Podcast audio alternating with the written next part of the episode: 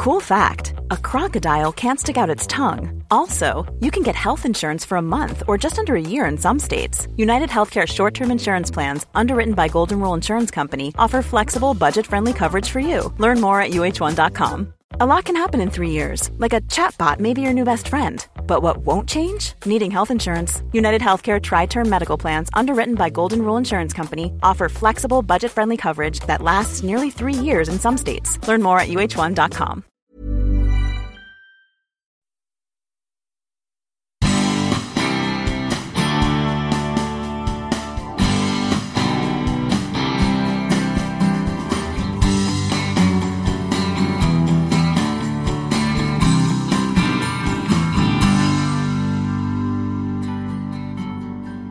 fick jag upp den här visionen om en gammal Rocky-film. Så här skitigt och sunkigt och man liksom, ingen glamour, man bara tränar hårt. Man bär så här eh, trästockar i skogen liksom i snön och så här. Och det, det var någonting som bara lockade mig. Jag bara kände fan det här är vad jag vill ha. Eh, lite som en missbrukare som får gå till ett rum där det är fullt med knark. Det var så här, det här vill jag ha. Fan, det kan täcka alla mina behov. Slog det mig, jag kunde inte läsa, det kan ju inte stämma. Jag gick ut i köket, försökte läsa och insåg bara jag, jag har tappat läsförmågan. Alltså jag kan liksom inte få ihop det. Som, bara, som man ser ibland så här på tv-serier eller barnprogram när, när siffrorna bara så bara... Men jag tror de har någonting emot mig. Alltså det ligger någonting djupare där. För att jag har... Eh, eh, jag vet inte. Jag har aldrig fått frågan. Jag har nog aldrig ens varit nära. Jag har nog gett upp den drömmen. Efter endast två och en halv års träning hoppade Linus Törnblad 2,30 och blev därigenom en av de tio bästa juniorerna i världen genom tiderna. Resan mot VM och OS-guld såg ut att vara spikrak, men vid 25 års ålder så tog det tvärstopp. Vad hände? Hur hamnade han där egentligen? Och vad kan vi andra lära oss av detta? Linus var en av de första som berättade om psykisk ohälsa bland elitidrottare. Ett ämne som är väldigt aktuellt, inte minst med tanke på sommarens OS, där bland annat USAs gymnastikdrottning Simone Biles avbröt tävlingarna. Vi pratar också om varför höjdhoppare röker, familjens backgammon-tävlingar samt ställer frågan till SVT Varför blir inte Linus Törnblad inbjuden till Mästarnas Mästare? Men innan vi drar igång vi jobbar ständigt med att utveckla podden. Vi vill ge dig fler spännande gäster, tätare lansering av avsnitten och ännu bättre produktion. För att göra det krävs ekonomiska resurser. Så om du gillar spännande möten och vill låta podden bli en del av din marknadsföring eller bara vill sponsra podden privat, hör av dig till mig på gunnar.österreich.se eller via sociala medier. Alla samarbeten och bidrag är välkomna. Nu, nu kör vi!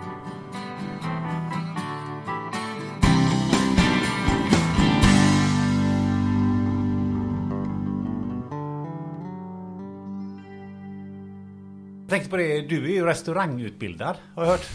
Ja, det stämmer. Uh, ja. ja, det var lite oväntat att du skulle veta det. Men Ja. jo, det, på sätt och vis är det. Ja, så vad, vad säger du om dagens lunch?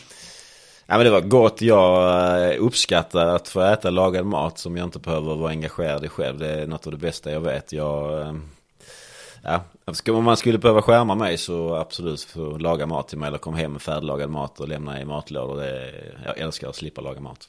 Det slapp du idag. Linus Törnblad, välkommen till podden Spännande möte. Tack så mycket. Spännande. Eh, innan vi fortsätter så ska vi ju säga att eh, vi har fått kaffe, vi har fått vatten och vi sitter på eh, fjärde våningen på Ackordscentralen som ju återigen eh, eh, ger den här podden möjlighet att spelas in i Malmö. Så det här är, börjar bli en fast punkt där faktiskt. Ja, men det är perfekt läge. Ja, mitt, i, fantastiskt. mitt i Malmö, precis vid havet. Så att här eh, är inte fel att komma hemifrån för det här. Du, på tal om eh, mat. Eh, vad, vad är bra höjdhopparmat? Eh, det finns en, eh, ett, eh, ett, vad säger man, ett sätt man säger, "Sh- eat like a butterfly, shit like an elephant. Som höjdhoppare brukar säga back in the days när jag var ute och tävla. Så att det säger väl ungefär det mesta, ät så lite som möjligt och gör av med så mycket som möjligt så det väger ännu mindre. Eh, Okej, men- vad, vad innebar det konkret? Ja, men inför tävlingar så skulle man väga så lite som möjligt och eh, man ska väga så lite som möjligt kontra då förhållandevis att man inte tappar styrkan och explosiviteten och det, det är en väldigt svår balans att hitta. Eh, och inför en tävling så är ju folk nervösa, många, många äter väldigt lite för att man ska ha så lite mat i magen som möjligt för att någonstans så är ju brytpunkten liksom när du kan börja tjäna på att du, du har ätit lite inför en tävling men eh, samtidigt så är det väldigt lätt att tappa energi så att eh, Men det kan också förklara varför väldigt många rökte förr. Många höjdhoppare. Det, när man fick sötsug, man skulle inte äta middag och lunch inför en tävling. Så då gick man ut och tog lite bloss. Eller man rökte nu inne på den tiden. Eh, och det var för att, eh, många gjorde det för att inte äta. De var säsongsrökare under, under tävlingar för att gå ner i vikt. mycket rökte du? Jag rökte ingenting men jag har blivit chockad över somliga som har rökt som jag har bott med ute i så här något sunkigt hotell i Slovenien ute på någon gård när det skulle vara en höjdhoppsgala. Så bodde jag med en finländsk höjdhoppare eh, som världens, var, verkar vara världens så här, mest städade kille liksom. Och på kvällen så ser jag att han öppnar fönstret när vi lägger oss och sover. Så, så ser jag att han röker. Så frågar jag, vad fan håller du på Varför röker du? Han bara, nej men jag röker alltid när vi tävlar. Så blev jag jättechockad och då minns jag att jag liksom bara oj. Och då fick jag ju hela den här historiken om att höjdhoppare rökte förr på innerplan och så på Patrik Sjöbergs tid. Eh, och då öppnade sig hela det för mig. Bara, oj, det, här, det, finns, det finns förklaring. Ja, för han rökte rätt mycket. Han rökte mycket, han rökte ju mer än under säsonger. Eh, men många av dem, det har jag fått berättat för mig efter det här, då, för jag förhörde mig lite och det var. Då visade det sig att det var så att det var många som, som rökte just för att hålla vikten nere. Eh, så det är lite, lite intressant om man nu är lite vikt och höjdhoppsnörd och, och ta reda på. Stefan Holm, hur många limpor gjorde han av med? Jag tror nu han aldrig tagit ett blås i sitt eh, liv faktiskt. Det är så? Eh, ja, det tror jag. Det tror jag inte han har gjort det alltså. Nej. Du, eh, men hemma då? Fick du när, du, när du var barn och så, hur mycket höjdhopparmat fick du då? Ja, men jag fick nog vad jag tror var ganska bra mat. Både av en farmor och mormor som lagade väldigt god mat och väldigt mycket. Engagerade föräldrar. När jag började idrotta fick jag ganska bra mat. Eh, alltså, ja. Det var liksom fräsch mat, ris och potatis och väldigt lite snabbmat och så här. Så, att, eh, så där fick jag bra uppbackning och så. Så att, eh, det hade jag med mig hemifrån, att äta, äta normalt. Om man eh, tänker på det, på det som barn, vad, vad är ditt tidigaste minne du har? Eh, några av de tidigaste minnena jag har är när vi, jag bodde med mina, båda mina föräldrar. Eh, I ett hus bodde vi då. Så har jag lite barndomsminnen därifrån. Men det var nu, då var jag nu tre, fyra år kanske. Jag har nog inte tidigare så, men jag minns bara väldigt få saker. Eh, att jag hade en vän som bodde på gatan och vi lekte lite. Och lärde oss cykla där ute på en, på en äng. Dagis? Dagis har jag också. Jag var väldigt blyg som liten så jag har många så här ångestminnen när man hamnar i så här sociala situationer när man inte vågar stå fram och så. Har jag både från dagis och framförallt från tidig skola så minns jag att jag var väldigt blyg. Var det där typ eh, Våra stjärngosse och sådana här prylar? Ja, den formen av högläsning och jag var liksom lärde mig läsa ganska sent. Hade väldigt svårt i skolan eh, och var väldigt blyg. En dålig kombination om man då ska gå fram och göra någonting som man inte kan. Så jag lärde mig rätt tidigt att, eh, att, att fejka så långt det gick. Och sen hade vi en rätt elak lärare. Vi var bara två killar i klassen. Och hon var ja, nu ska man ska inte sätta folk i genre, men hon var en feministisk miljöpartist. Eh, och hon var ganska elak mot oss två pojkar.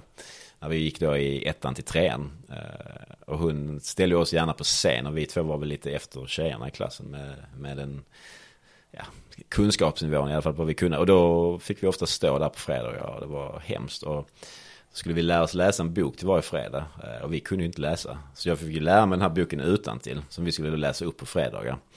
Jag satt jag och grät på helgerna så för ångesten. Nej, det var nu på måndagar var det.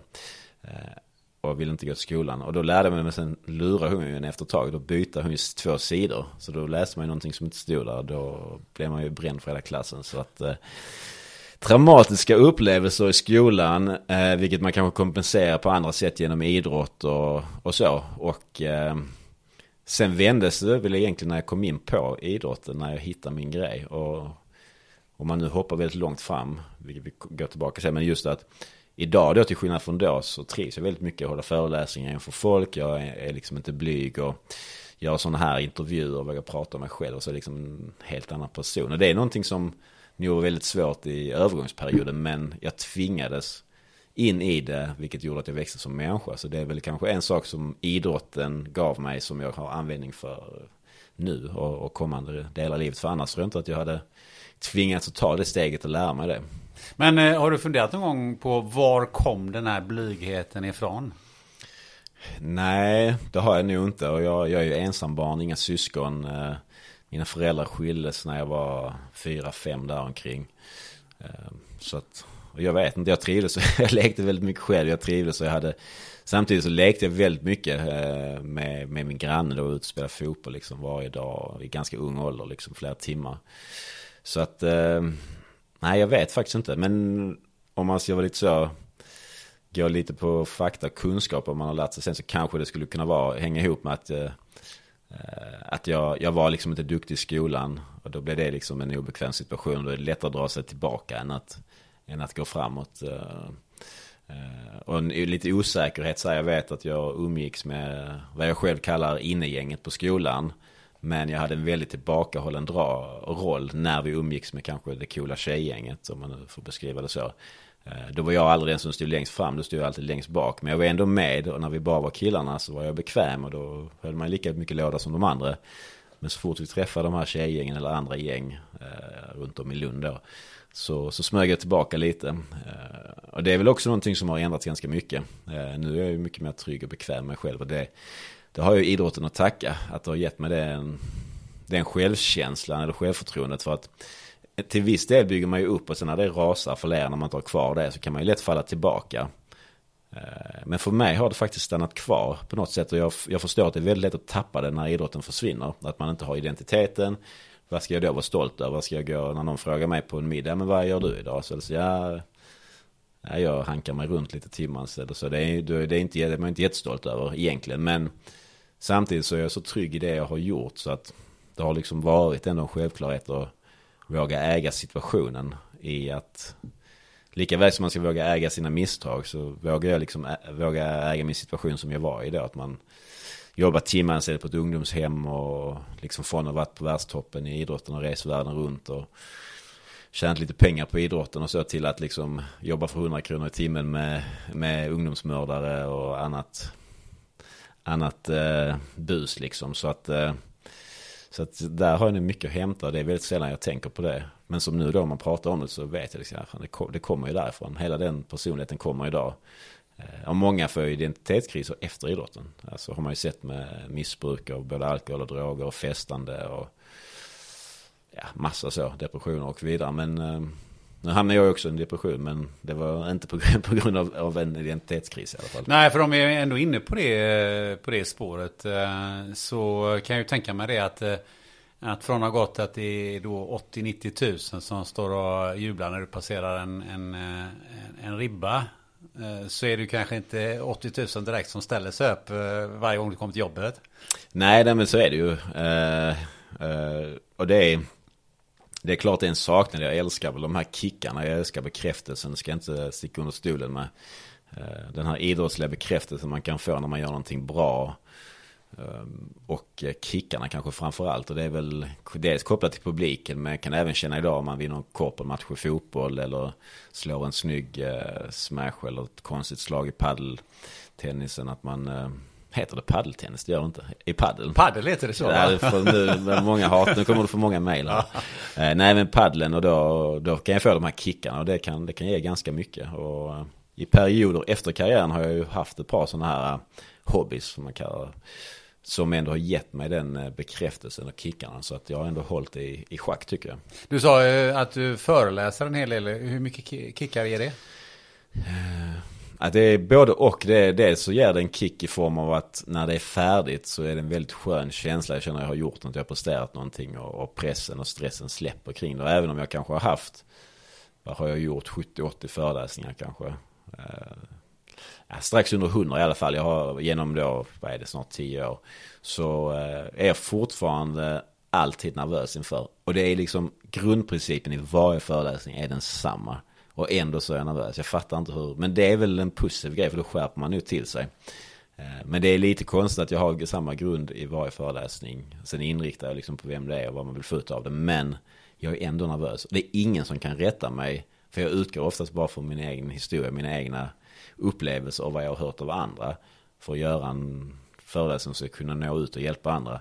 Eh, och då borde man inte vara nervös för det finns ingen som kan säga men så är det inte. Jo men för mig var det så här och för de här personerna var det så.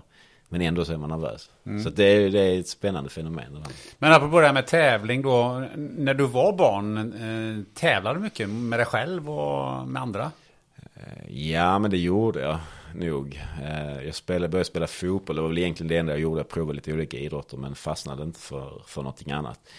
Eh, och det, jo, men jag brukar nog tävla dels när jag var själv, eh, liksom hitta på scenarier hur man tävlade. Och jag hade en granne då som jag spelade fotboll med varje dag. Vi, vi hade, vi hade inom situationstecken lånat en mål från skolan och satt på vår gräsplätt vid våra, där vi bodde, emellan oss.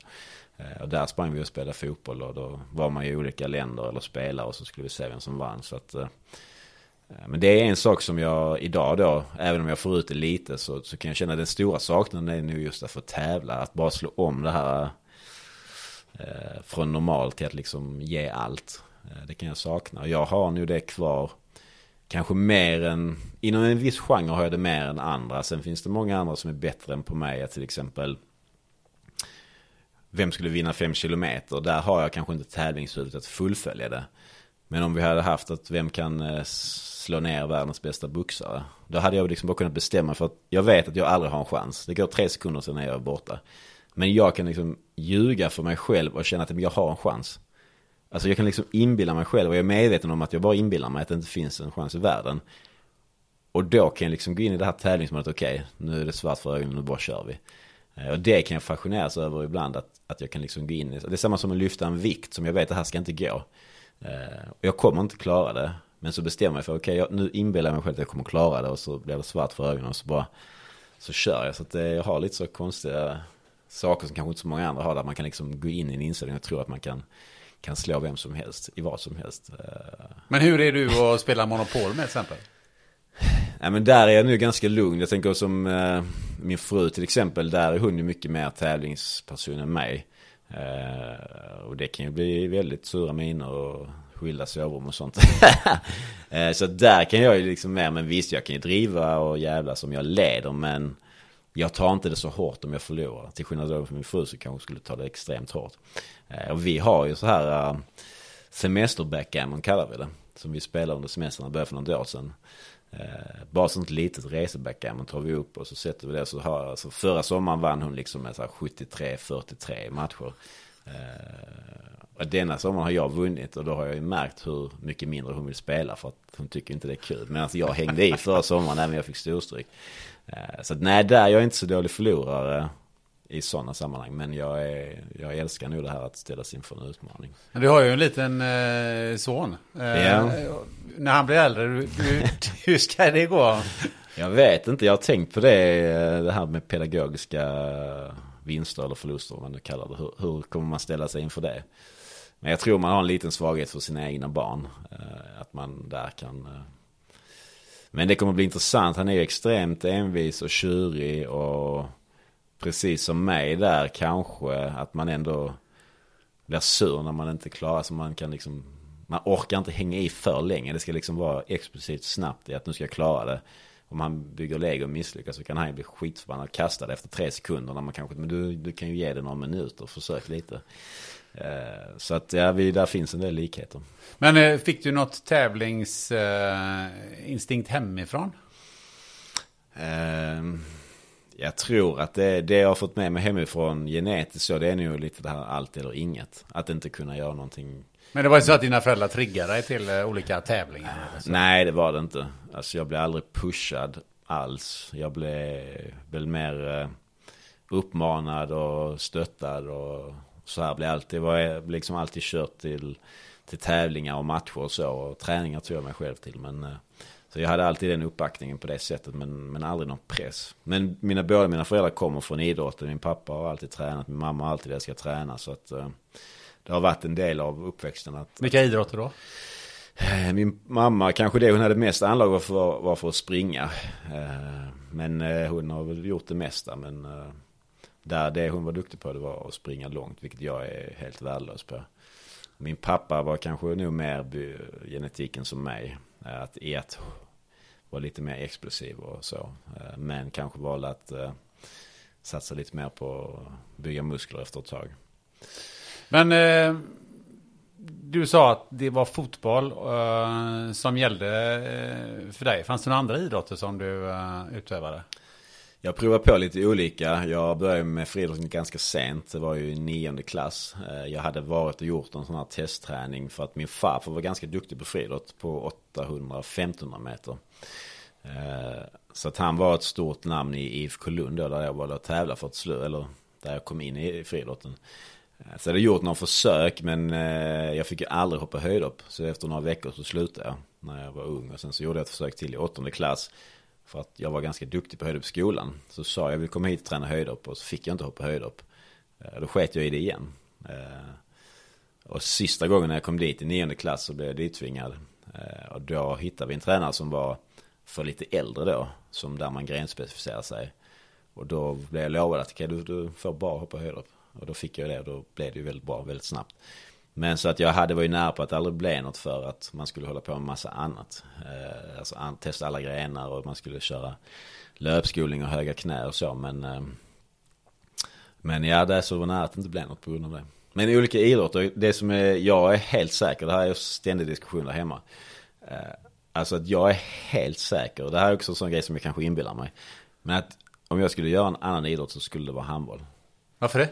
Jag är så jäkla säker på att jag hade gått nästan hela vägen. Alltså jag, blivit jag tror jag hade blivit riktigt bra. Ja, men det är så hyfsad bollkontroll, touch. Jag tror jag har tillräckligt bra vad som hade krävts. Eh, vänsterhänt, kort, explosiv, snabb, perfekt ytter. Jag älskar den fysiska kontakten, liksom att det smäller in. Jag har liksom inget problem med att springa in i vem som helst. Eh, och bara där känner jag liksom, jag gillar mentaliteten i det, jag gillar att det händer, det är korta, snabba löpningar. Genetiken är helt för det, jag tror den mentala inställningen att det smäller på är bra. Och så liksom de fysiska fördelarna med, med vänsterhänt, lite lättare väg till framgång där, mindre konkurrens. Eh, så att jag, jag tror det hade varit något för mig. Varför blev det aldrig handboll? Jag, jag började på handboll när jag var liten. Så var jag inte jag hade sjukt svårt för reglerna där med studsarna och så. Kom in i ett lag i Lugi då i Lund som var väldigt framstående. Liksom ganska duktiga pojklag. Eh, och då var det ganska elit ganska tidigt. Och då kom jag in väldigt sent när jag gick i kanske femte, sjätte klass. Eh, då var det inte kul att inte kunna göra fel och passa tillbaka till målvakten om man inte får göra det. Och dubbelstuds och göra det i ett duktigt lag där alla vill bli framåt. Eh, och så var jag ju blyg och lite så här på den tiden. Så då, det blev nog för tufft steg att komma in i det. Eh, och då var jag inte supergammal, det ska ju sägas att det är, man säger ju, jag tänker ofta då, det är svårt att börja med en ny idrott när man är äldre, för man kan inte det. Och när man är 15 till 20 är det ju jättesvårt, men nu var jag väl 10-12 och då borde det inte vara så här. Men då blev det inget för att jag kände mig inte bekväm och jag kände, skämdes liksom inför de andra att man inte kunde. Eh, när jag tror att jag egentligen kanske hade kunnat växla upp om jag bara hade lärt mig det rätt. Men för bollsinnet har du. Jag har sett dig trixa med en eh, toalettrulle bland annat. ja, precis. Ja. Eh, nej, men jag har eh, hyfsat bra bollkänsla skulle jag vilja säga. Det finns de som har betydligt bättre, men eh, jag har nog relativt bra. Eh, jag har mål, målsinne. Det var det jag var duktig på när jag spelade fotboll. Att jag liksom kunde jag har liksom inte haft bästa teknik men oavsett vad som hände så där jag sköt så, så blev det oftast mål. Men det här eh, mentala eh, känner jag mellan lagidrott och en extremt individuell idrott. Det det är ju lite så här 180 grader mot vartannat. Ja, precis. Eh, jo, men det är det. Men den delen som var svår för mig var ändå ganska lik. För att jag var superduktig i fotboll när jag började träna friidrott. Så jag kombinerade det första året. Och då blev jag liksom aktuell för distriktslag och, och så liknande. Eh, och när jag spelade i min egen ålder så, så gick det superbra på slutet då när jag blev bra. Eh, och kunde prestera bra. Då blev jag uppflyttad till de äldre. Eh, spelade i pojkarsvenskan. Eh, och då var jag helt värdelös. Alltså jag, jag var inte trygg i situationen, jag var obekväm, jag underpresterade något så in i. Jag vågade liksom, jag sprang liksom nästan och huka mig. Jag, jag vet inte om jag tänker att det var så när jag tänker tillbaka. För att eh, jag var så jäkla blyg, jag vågade inte ta för mig för jag inte kände riktigt dem runt omkring. Eh, hade liksom inte alls den egenskapen. Och så fort jag flyttades ner igen, hur många mål som helst, aktuell för det ena och det andra. Hoppa upp igen, lika blyg och tillbakadragen och så kunde jag inte prestera. Så att och den delen, det var ju en lagidrott. Men exakt samma sak var det med höjdhoppet när jag kollade tillbaka på det. För att när jag började med höjdhoppet, hoppade med då min egen ålder, så vann jag med två decimeter kanske direkt. Liksom mot de som var bäst i Sverige. I min ålder då. Tävlade min egen ålder, liksom totalt utklassa alla. Upp på seniornivå i Sverige, underprestera. Jag var inte bekväm, jag kände liksom inte omgivningen. Eh, titta upp på de andra ganska mycket och och hoppa liksom helt plötsligt jag två decimeter under dem istället. När vi kanske egentligen hade samma högsta kapacitet. Så det fick jag lära mig den hårda vägen och lära mig prestera bland de som Men det var nu i samband med att jag lärde känna miljön också. Så att där skiljer det sig ju inte från lagidrott till individuell idrott. För jag hade samma problem på båda delarna. Så att det är intressant. Och sen finns det säkert många aspekter på andra sätt som kan skilja sig. Men för mig var det att det är ett problem med fotbollen. Det hade precis samma problem med det mentala i idrotten. Och det spelar ingen roll om det var lag eller inte. Men eh, du sa förut här att du tvingades in i eh, höjdhopp. Vad, vad menar du med det? Ja men jag, precis, ja, men i nionde klass, om jag bara drar det lite kort, så var jag eh, Spelade fotboll, var det enda jag tänkte på och ville bli fotbollsspelare. Ganska dålig i skolan så att då la jag mer liksom glädje i, i fotbollen. Hade hoppat bra i alla skolmästerskap som vi hade haft. Och i Lund så hade vi en skoltävling eh, där alla skolor i Lunds region tävlade. Eh, och vår uttagning på vår skola så hoppade jag väldigt bra. Och så mer eller mindre ringde väl min idrottslärare och sa till mina föräldrar att fan, han är, Linus är superduktig, ni måste verkligen få honom att ge en chans. Eh, jag hade ju vägrat, jag hade ju gett någon så här försök innan man hoppat av. Och sen så på något sätt så blev jag ju då lovad att jag bara skulle få hoppa höjdhopp. Jag skulle träna med två andra höjdhoppare, jag skulle få gå ner väl mer än provträna. Eh, och då gjorde jag det och då fick jag bara hoppa höjdhopp och det var ju liksom helt perfekt. Eh, och så gjorde jag ganska tätt inpå det en tävling. Eh, som jag ställde upp i som var bland, ja, sista chansen hette den sista tävlingen det året för pojkar 15 som var i december det året man har fyllt 15. Och då vann jag och hoppade högt och blev bäst i Sverige i min ålder direkt och sen så sen var det liksom sen var det liksom bara X2000 resten av vägen därifrån. Men det är ju rätt sanslöst. Alltså du hade knappt tränat och så du är bäst i Sverige på att hoppa höjd. Det är ju ganska, det är liksom inte någonting, det är ju inte speciellt enkel gren. Nej, och det är också, då var jag ju precis P15, gick in som P16. Så att det var ganska sent, så att det, nej, det är väl inte helt vanligt. Och jag tror, jag hade väl eh, explosiviteten och någonstans så hade jag den här eh, tajmingen och hittade väl den här upphoppet var väl det som jag var duktig på i början i alla fall. Eh, och var mycket bättre fysiskt än de andra på något sätt utan att ha tränat.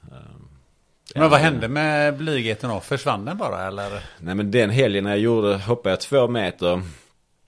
Var den första på nio år i den ålderskategorin som hoppade två meter. Sen då Stefan Holm visade sig vara, som var nio år äldre. Eh, och då eh, blev det en väldigt stor grej. Det blev mycket i tidningarna, lokaltidningen kom till skolan, Sydsvenskan då. Gjorde ett stort reportage. Ehm, och helt plötsligt så, så vände det bara och det gick ju väldigt bra i början och det blev väldigt mycket uppmärksamhet. Och jag var väldigt blyg i början men på något sätt så anammade jag det väldigt fort och, och på något sätt så sträckte jag på mig. Jag fick det som en, ett fejkat självförtroende till en början. Eh, som sen någonstans växte in i ryggraden på mig. Eh, och där någonstans så vände det liksom att jag tvingades ut situationer som var offentliga och, och var väldigt så här ung och lite kaxig i början. Eh, väldigt så här to, alltså, kaxiga uttalanden sa att jag ville bli bäst i världen och så vidare. Om någon frågade vill du bli bäst i världen så sa jag det är klart jag vill det. Och så vinklades det lite så var det som att jag var världens kaxigaste. Och till början var det svårt men sen så kom jag in i det och så på något sätt så bara fastnade det i mig och gav mig den här ryggradskänslan som, som jag hade saknat. Men hur såg den utvecklingen ut sen de närmaste åren eh, framöver då i din karriär? Ja men det gick extremt fort. Alltså för Första året då, min sommar P6 så hoppade jag 206. Året därefter så hoppade jag, när jag var 17, så hoppade jag 219, vilket var högst i världen i min ålder. Så att på drygt ett och ett halvt års träning så blev jag bäst i världen. Så 219 när jag var 17, när jag var 18 år så hoppade jag 230. Eh, vilket är helt sjukt som 18-åring, men framförallt på två och ett halvt års träning. Och då blev jag en av de bästa juniorerna genom tiderna. Topp 10 liksom bland Patrik Sjöberg och Sotomayor bland de här riktigt tunga namnen. Eh, och då kvalade jag även in till liksom de mest, alltså OS, VM, EM, hela kittet liksom på två och ett halvt års träning. Eh, och jag hade ytterligare ett år kvar som junior egentligen. Så där, det, där sen så helt plötsligt så var jag bara inne i världseliten. Och hade väldigt svårt att anpassa mig efter det just efter de problem som jag sa med att när jag kom upp till de stora underpresterade jag. Gick ner till min egen nivå eller till min egen ålder överpresterade. Så jag vacklade där fram och tillbaka i ett, två, tre år kanske. Eh, och sen när jag var 21 så hade jag börjat med mental träning året som jag var 20. Eh, på hösten där. Och sen då den vintern när jag var 21, vilket är 2006. Så, så lärde jag mig liksom kontrollera det och så tog jag brons på inomhus-VM samma säsong. Eh, och därefter så, så lärde jag mig att styra det ganska så bra under perioder i alla fall. Hur var det livet där på uh, världstouren? Och... Ja, men det, var, det var fantastiskt. Uh, där och då så trodde man, i början var det bara fantastiskt. Och sen så trodde jag att det var extremt tufft för att då kände jag mycket uppoffringar man fick göra. Man kunde inte gå ut och festa om man skulle göra det. Man var borta och reste och kunde inte resa till Thailand med sina kompisar och backpacka i tre månader. Ehm, så tänkte jag mycket på allt jag, off, allt jag missade. Eh, och kanske inte tänkte på allt jag fick. Ehm, men det lärde mig också lite sen att det tog lite tag att acceptera men det var ju världens Det är ju enkelt att säga idag när man är småbarnsförälder och eh, ekorrhjulet rullar på men nu när jag tittar tillbaka även under så var det ju världens skönaste liv för att jag valde att satsa heltid vilket gjorde att jag kunde resa ganska mycket, var på många tävlingar, kunde stanna kvar lite emellan. Jag tävlade på hösten när liksom den svenska och den europeiska säsongen dog ut så åkte jag till Asien. Vilket väldigt, väldigt få idrottare gjorde. Från, ja, framförallt från Sverige var det väldigt ovanligt. Eh, så då åkte jag liksom till Shanghai och var i Japan så här efter säsongen hade dött ut och när de andra åkte hem och vila eller började jobba och plugga så, så drog jag liksom vidare där själv och tjänade liksom en liten extra hacka. Det var liksom inte, inte för pengarna men det var för äventyret. Eh, och då, det är liksom sådana grejer, det, det, kan man inte bara göra idag. Vilket jag gärna hade gjort. Men, nej men så jag, jag njöt av det här, bara leva i det. Eh, faktiskt. Blev man en idrottsmiljonär på att vara höjdhoppare på den tiden? Alltså begreppet miljonär är ju, det är nu lite förlegat för att en miljon det är inte lätt att få ihop men man kan göra en bostadsaffär så har man gjort en miljon. Så att förr var det nog lite svårare att uppnå men Men absolut så eh, Gör du av med mindre än vad du tjänar så, så, så går du plus på kontot. Men nej, det går inte att jämföra med många andra idrotter. Sen friidrotten är ju liksom att du måste vara topp fem i världen för att kunna tjäna lite pengar. Som du kanske går plus. Men är du topp ett, ja då tjänar du jättemycket pengar. Men topp fem, då kan du liksom lägga undan. Men är du topp tio bakåt så, så kan du få det att gå runt. Men du tjänar liksom inga pengar. Så att om man är tia i världen i, eh, säg, eh, springa 100 meter så är man eh, eh, världs... Eh, all ifrån från sånt som Usain Bolt eller någon Ja men kanske av... just 100 meter är en väldigt populär gren också så det vet jag inte. Jag tror det är lite mer pengar i det men... Alltså för min del var det så att jag levde ett extremt enkelt och billigt liv. För mina första pengar så köpte jag en, en lägenhet i Malmö. Eller insats till en första lägenhet. Och sen så var jag årsslut så, så hade jag en summa över. Då la jag bara in och betalade av lägenheten. Jag hade 3000 i hyra med parkering. Eh, man, som höjdhoppare åt väldigt lite. Festade inte. Fick alla kläder. Levde i träningskläder. Mina utgifter var liksom alla resor. Allting var ju betalt. Så utgifterna var ju extremt låga. Eh, och vi hade en tränare från eh, gammal öststatstränare från Polen. Det var liksom inget glamoröst där. Det var foliebullar man hade med sig på sina resor och så här. Så att jag kom in i den skolan. Eh, och då gjorde man inte av med några pengar. Så... Foliebullar, ursäkta, vad är det nej, för någonting? Lite så man gjorde, gjorde sina bullar hemma på morgonen, slog in dem i foliepapper och så hade man med dem på resan okay. minibussen. Så att det var ju inte några lyxiga middagar och liknande heller. Eh, så att där är det en grej som är så, ja blir man rik så ja, allt är ju relativt. Jag, hade, jag tjänade liksom en bra lön. Som många gör idag. Men till skillnad från dem så kunde jag lägga undan nästan allt jag tjänade. Ja, och plussar du på några hundratusen per år och gör det under ett par år, det är klart då blir det liksom, blir ju lite pengar av det, absolut. Eh, och köper man liksom bostäder eller man gör andra så, så bra investeringar så klart att det kan. Men sen kan du spela fotboll så kan du tjäna på ett år vad jag tjänar på, på tio år liksom.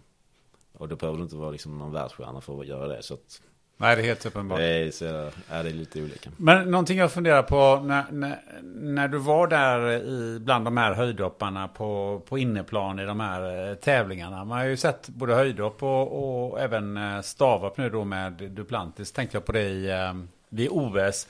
Alltså hur mycket kompisar är man där nere? För stavhopparna verkar ju vara, de verkar döpolare med varandra sådär. Och det, var, det såg ut som en, nästan som en litet, eh, litet eftermiddagsparty där.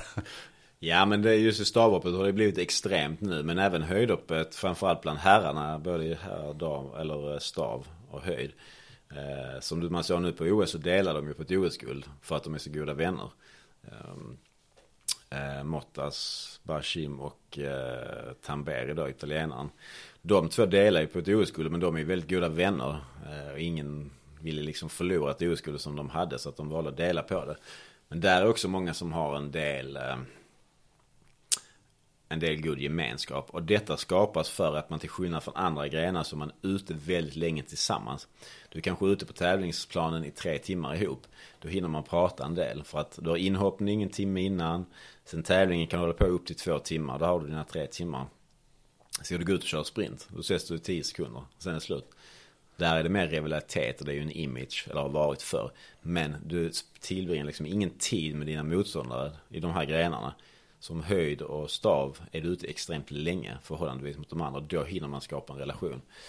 Eh, så där tror jag det finns eh, ett svar varför. Jag tror även det var så till exempel på Patrik Sjöbergs tid så och det mycket prat om festande och rökande och dricka öl och, och, och de här grejerna. Jag tror också att det var att man reste och, och höjdhoppet i sig har mycket egna höjdhoppsskalor.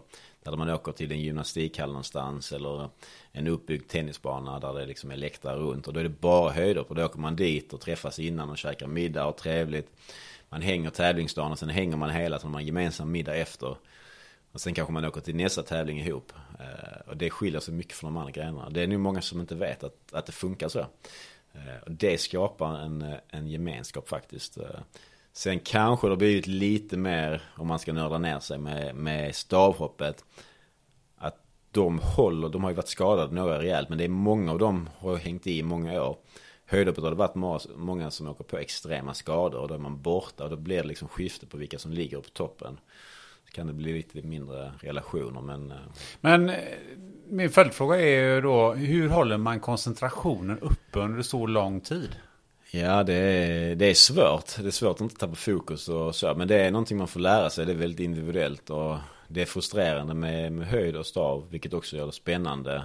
Det är ju att du kan inte gå in och bränna det bästa hopp. Du måste liksom vara med på slutet av tävlingen för att kunna vinna och göra de här höga hoppen. Så att det är en balans att hitta. Men jag tror man blir, man blir ju triggad och stimulerad av att man vet att ribban ligger på en viss höjd. Och då har man det i sig så, så någonstans så, så Hur håller man sig varm då? Jo men det är därför man håller igång väldigt länge. Och det är också det är en explosiv idrott. Det är liksom bara ett, liksom en isättning och pang så ska du explodera. Men samtidigt så ska du kunna hålla den här under två, tre timmar. Vilket är ganska motsägelsefullt. Så att, ja men det är svårt och det är svårt, det är svårt att hålla mental fokus i tre timmar från och till. Och samma, hålla dig fysiskt redo i två, tre timmar. Det, samtidigt som du inte ska äta någonting. Så du får liksom inte ladda upp någon energi. Eller individuellt då såklart. Men, så att det, nej, det, är en, eh, det är någonting man får lära sig. Helt enkelt. Life is full of what ifs. Some awesome. Like what if AI could fold your laundry? And some, well, less awesome. Like what if you have unexpected medical costs? United Healthcare can help get you covered with Health Protector Guard fixed indemnity insurance plans they supplement your primary plan to help you manage out of pocket costs. No deductibles, no enrollment periods, and especially no more what ifs. Visit uh1.com to find the Health Protector Guard plan for you. It's that time of the year. Your vacation is coming up. You can already hear the beach waves, feel the warm breeze, relax, and think about work. You really, really want it all to work out while you're away. Monday.com gives you and the team that peace of mind. When all work is on one platform and everyone's in sync, things just flow wherever you are. Tap the banner to go to Monday.com. Hey, it's Ryan Reynolds, and I'm here with Keith, co star of my upcoming film, If, only in theaters, May 17th. Do you want to tell people the big news? All right, I'll do it. Sign up now and you'll get unlimited for $15 a month in six months of Paramount Plus Essential Plan on us. Mintmobile.com slash switch. Upfront payment of $45 equivalent to $15 per month. Unlimited over 40 gigabytes per month. Face lower speeds. Videos at 480p. Active Mint customers by 531.24 get six months of Paramount Plus Essential Plan. Auto renews after six months. Offer ends May 31st, 2024. Separate Paramount Plus registration required. Terms and conditions apply if rated PG. Uh... Men tillbaka till dina, dina höjder du gjorde. Du gjorde ju 2,38 har jag mig som, som 22-åring. Ja, precis. Nyfyllda 22. Nyfyllda 22. Eh, och då var det ju 7 cm från världsrekordet. Vad, vad tänkte du då? Ja, men allting hade väl gått väldigt, väldigt bra under en längre tid. Eh, från något år när jag hade lite så här, när jag hade svårt att anpassa mig just efter det här från, från ungdomsstjärna till senior. Så att det gick lite av sig själv och det tråkiga är, och det är många som, eh, som eh, vittnar om samma sak, det är att när man blickar tillbaka på sin karriär så ångrar man att man inte stannade upp och njöt mer när man gjorde de här eh, resultaten eller tog de här segrarna. Utan man, så fort jag gjorde 38, då blickar man ju på 240. Då var det nästa helg, nästa tävling. Istället för att stanna upp och njuta några, en dag, två dagar, tre dagar och sen ta nästa. Så, så fort du klarar en ny nivå så tittar du på, på nivån därefter. Liksom så att om, du hade, om jag hade mål att hoppa 2.35 den säsongen, vilket jag tror jag hade. Eh, så hoppade jag ju 38 och då blev jag, blev jag inte nöjd, utan men då måste jag ta 40. Så att, och det är också en drivkraft som gör att man presterar, men det, det jag tror att ska man ha en lång och hållbar karriär och njuta mer så tror jag man måste unna sig stanna upp och njuta. Och det gäller nu all, även i livet, för annars man, man bara tuffar på. Du får bättre jobb, bättre lön och så ska du bara vidare, vidare, vidare. Hela tiden avancera.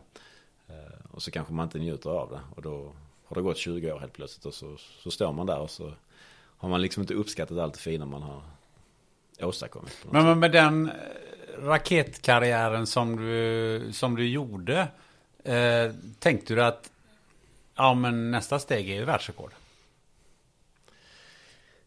Alltså jag, om jag ska vara helt ärlig så vet jag inte om jag om jag någonsin riktigt trodde på det, att jag skulle slå det. För att jag vet också hur jäkla högt höga de centimeterna är och hur mycket som ska stämma. Så att jag siktar nu bara på att hoppa högre och så 38 blev en rejäl urladdning. Jag hade haft eh, jag hade gjort många tävlingar som var runt 32-34 men jag fick aldrig till den där. Det släppte liksom aldrig riktigt. Eh, och sen så då i en tävling så, så, så, släppte det loss och då blev det 38. Eh, då var mitt näst högsta upp 34. Alltså tävlingsresultat. Så det blev sånt jäkla glapp däremellan och då blev det lite mäktigt. Shit, ja, det hade varit skönare kanske om jag hade gjort 36. Och fått en annan gång gjort 37 och sen 38. Men nu blev det allt på en gång. Eh, så att, och det också, då blir det...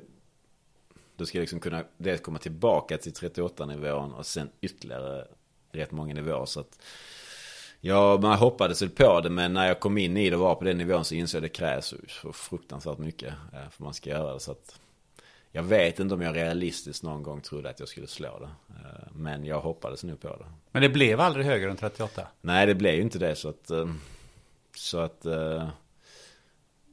Så jag vet, jag kanske hade rätt, eller jag kanske hade rätt då. Men man, vill ju, man måste ju någonstans inte känna sig begränsad. Men eh, 38 är jag nu ganska nöjd med. Men eh, jag hade nog gärna haft eh, mer medaljer och liknande när jag tittar tillbaka på, på karriären. För att jag kanske hade kunnat hoppa 2.39, kanske hade fått till 2.40 som i bästa, mina bästa stunder. Men det hade aldrig blivit 45 eller 46. Alltså det är bara att vara ärlig. Det hade jag nog inte i mig. Men 39-40 absolut. Men jag tror framförallt att jag kanske hade kunnat plocka på mig fler titlar istället. För nu är jag ju bara 25 år. Och kanske de flesta tar sina medaljer när de är 27-28. Så att där kan jag ju känna en, en liten eh, saknad och frustration att jag inte fick, eh, fick, fick göra det. Om jag då jämför med själva resultatet, att jag är ändå ganska nöjd över 38. Men eh, har du några sådana här ögonblick där du kan säga det där sved mer än, än annat? Ja men absolut, jag har väl två tillfällen jag brukar tänka tillbaka på då. Det fanns ett junior-VM, eh, då upp till man till och med det året man fyller 19 år som är ganska stort i friidrott. Eh, det fanns ingen svensk herre som hade vunnit ett junior-VM någonsin. På damsidan hade vi, hade vi desto fler. Men, och jag var storfavorit 2004 men jag hade haft en mellansäsong. Eh, jag hade lite mentala problem att hitta motivation. Jag hade kört fast med min tränare. Jag gick ut gymnasiet. Jag visste inte riktigt hur livet skulle bli. Det var rätt svajigt. Eh, det var liksom en, den enda mellansäsongen jag hade på det sättet. Och då åker jag ner till junior-VM. Är liksom den stora stjärnan i truppen. Jag borde vinna. Eh, om jag har en okej okay dag. Jag behöver inte göra något bra för jag var så pass mycket bättre än de andra. Eh, men jag sjabblar bort det. Jag hoppar 2.21 inom situationstecken bara. Men vinnaren hoppar också 2.21. Men ettan, tvåan, trean, fyran, femman stannar på samma höjd. Och jag hade ridning på vägen. Eh, och det ångrar jag. Det är nog det som svider mest. För att jag vet i den åldern betyder sånt väldigt mycket. Att liksom få vinna, få göra de här sakerna inför kompisar och folk som man kanske vill imponera eller få bekräftelse av. Så att det var den tyngsta.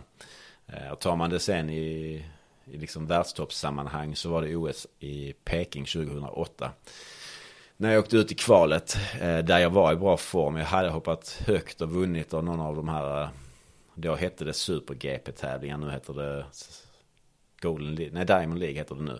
Men det var ju den högsta genren för herrhöjd. Eh, och då var jag liksom jag var liksom oftast topp tre på alla tävlingar. Men så åkte jag ut i kvalet för jag tänkte jag ska hålla igen. Jag ska spara mig till finalen. Eh, problemet är bara att det var fel läge att hålla igen. Eh, och då åkte jag ut i kvalet.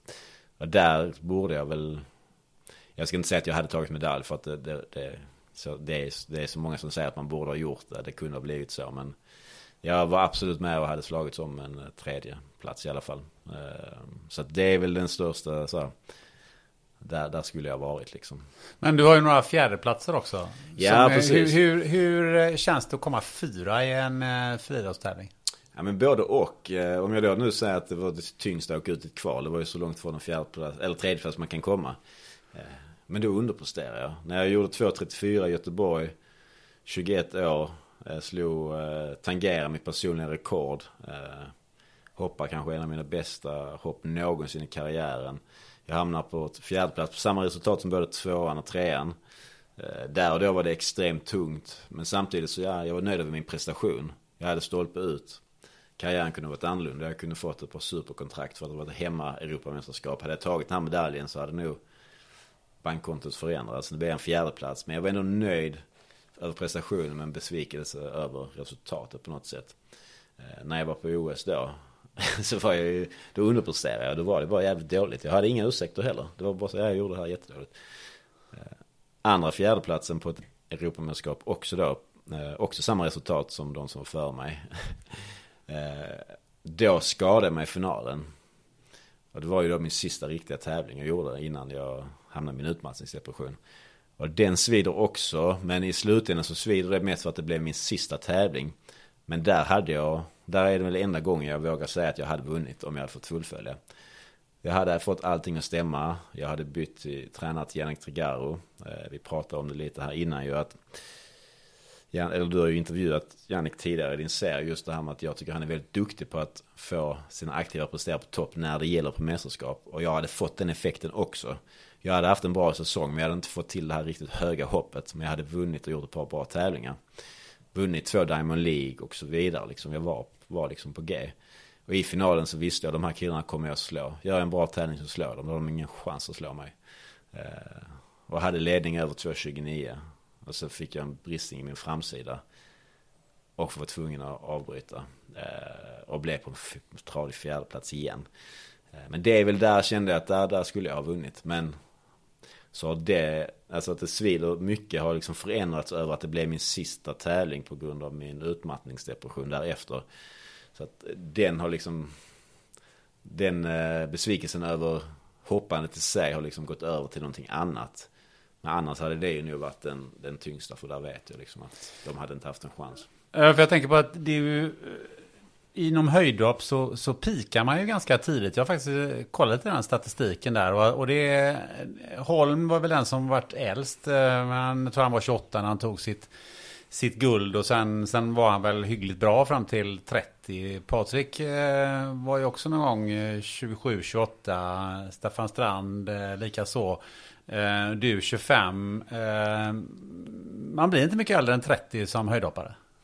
Nej, så är det ju. Och det är, det så är det för att det är skador, extrem belastningar och många får förslitningsskador. Jag har själv fått mycket problem med min rygg. Eh, de två som har vunnit OS-guld nu eh, har ju haft problem med sina fötter, båda två. Nu är de väl, jag vet inte riktigt, måttar sig 30 år i år.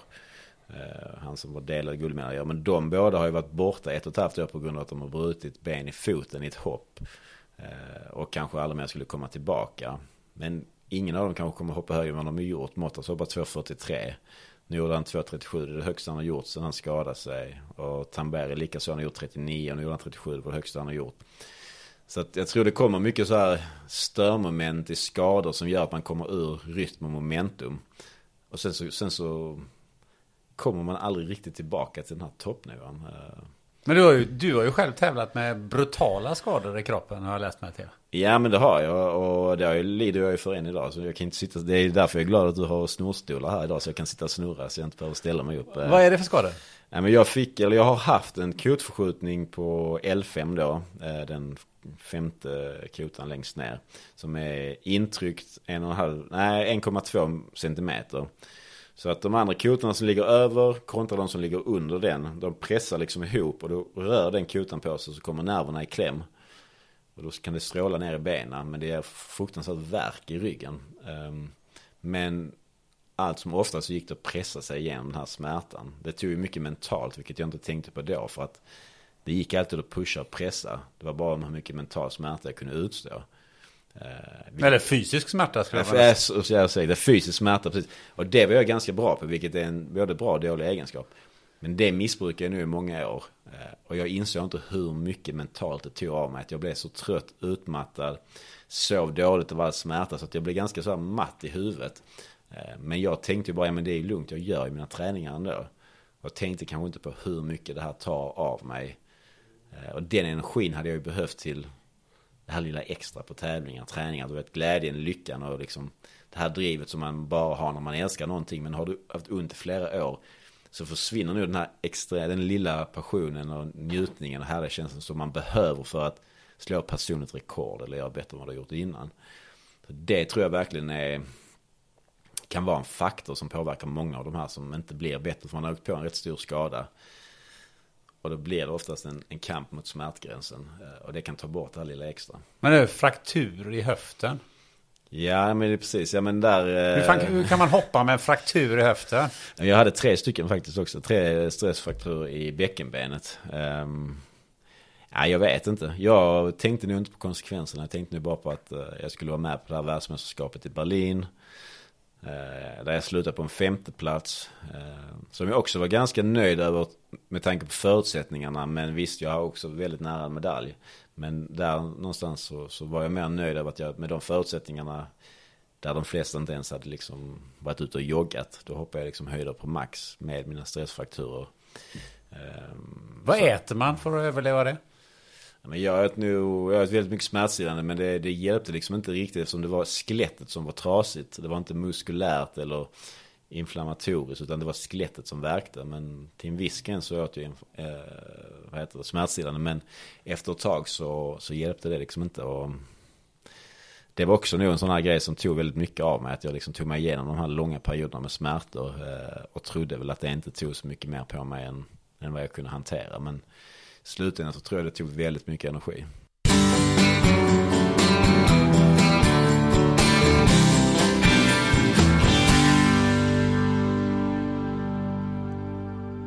Den här podden sponsras av Life Genomics, ett akkrediterat laboratorium i Göteborg som bland annat erbjuder covid-tester. Har du precis bokat en resa på kort varsel och behöver PCR eller antigentest för covid-19? Ja, då kan du gå in på coronapassport.se för att hitta en vårdgivare i din närhet och boka tid för test och friskhetsintyg. Life Genomics har samarbete med ett 150-tal kliniker över hela Sverige. Och nu, nu kommer en nyhet. Om du reser från Arlanda eller Landvetter då kan du även testa dig direkt ute på flygplatsen vid Life Genomics labb i samarbete med vårdgivaren Express Care.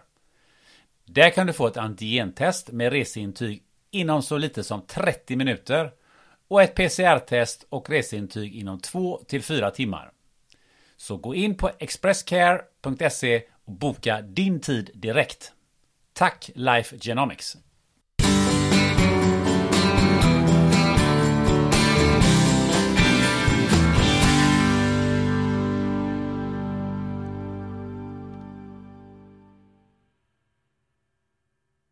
Du har ju nämnt eh, några av dina tränare. Du hade ju ett tag eh, att göra med, med Jannik. Men innan dess så hade du en, en tränare från Polen. Vad, vad var din relation med, med honom? Eh, ja, precis. Jag har haft tre olika tränare kan man säga. Eh, från början hade jag en äldre man som hette Sten Keding i Lund. Eh, ganska basic tränare. Eh, jag behövde inte göra någonting som inte hade, var relevant till det jag skulle göra. Eh, och jag fick bara hoppa höjder på det. var liksom fantastiskt. Och så gjorde jag ett par övningar styrkeövningar och liknande och de blev jag väldigt bra på. Eh, så det var ganska basic. Eh, men någonstans när jag ville utvecklas och ville träna hela tiden så kunde inte han riktigt mätta mitt behov. För att han ville inte man skulle göra saker som inte hade med det att göra. Jag ville träna mer. Eh, så det skar sig mellan oss. Han var väldigt mycket äldre. Jag var ju 18 år och han var 70. Så det var liksom, det var tufft när vi var ute och reste och så. Så det skadade sig. Så hade jag hört talas om en tränare som fanns i Malmö. Som hade väl filosofin, ju hårdare du tränar desto bättre blir du. Eh, och jag hade några vänner som tränade med honom och när jag förhörde mig med dem så fick jag upp den här visionen om en gammal Rocky-film. Så här skitigt och sunkigt och man liksom, ingen glamour, man bara tränar hårt. Man bär så här eh, trästockar i skogen liksom i snön och så här. Och det, det var någonting som bara lockade mig. Jag bara kände, fan det här är vad jag vill ha. Eh, lite som en missbrukare som får gå till ett rum där det är fullt med knark. Det var så här, det här vill jag ha. För fan, det kan täcka alla mina behov. Och, det, och jag visste inte om att jag kanske hade liksom ett, ett dåligt beteende i att träna för mycket eller att pusha mig för hårt. Så att det var kanske det jag sist behövde med facit i hand. Men där och då var det bara så att fan, jag får leva min dröm, jag får leva i en Rocky-film. Jag får bara träna så mycket jag kan. Och, och han säger att jag blir ännu bättre av ju mer jag tränar, då kör vi. Så det matchade ju rätt så bra. Jag fick träna hur mycket som helst. Jag fick göra väldigt mycket saker som kanske inte var så relevanta till höjdhoppet. Men jag trodde ju att liksom, det här blev jag bäst av. Eh, det blev relativt snabba resultat. Eh, jag gick från eh, de här 2.30 som jag hoppas sen var 18-åring till 2.38 vilket är väldigt högt upp till det året när jag fyllde 22 där precis på drygt, drygt tre, två års träning med honom så hoppade jag liksom från 30 till 38 så det var fantastiska resultat men och då åkte vi liksom till Polen. De andra åkte till Sydafrika i landslaget och låg och solade i tre veckor och hade det gött och var på vingårdar och till fina bilder. Eh, vi fick inte åka dit, vi träningsgrupp för honom för att vi åkte till polska skidbackar på höst och våren när det inte var några skidåkare och så skulle vi bestiga dem liksom. Eh, flera tusen meter höga berg. Så var det bara upp och ner, kommer du inte tillbaka i tid så får du ingen lunch. Eh, så var det bara det så fick man ju vara tillbaka i tid och så Det var hemskt men det var också jäkligt häftigt, lärorikt. Det var allt på en och samma gång. Det var häftigt, lärorikt Eh, förstörde kroppen för livet eh, men det var också Man kan sakna det på något sätt. Det var enkelt, man avskärmades från allt, det var bara att träna. Fanns liksom inget internet, fanns inte Någon tv direkt heller liksom. Eh, Fanns liksom inget, vi bodde liksom i en by, det fanns inte ett, ett skit att göra.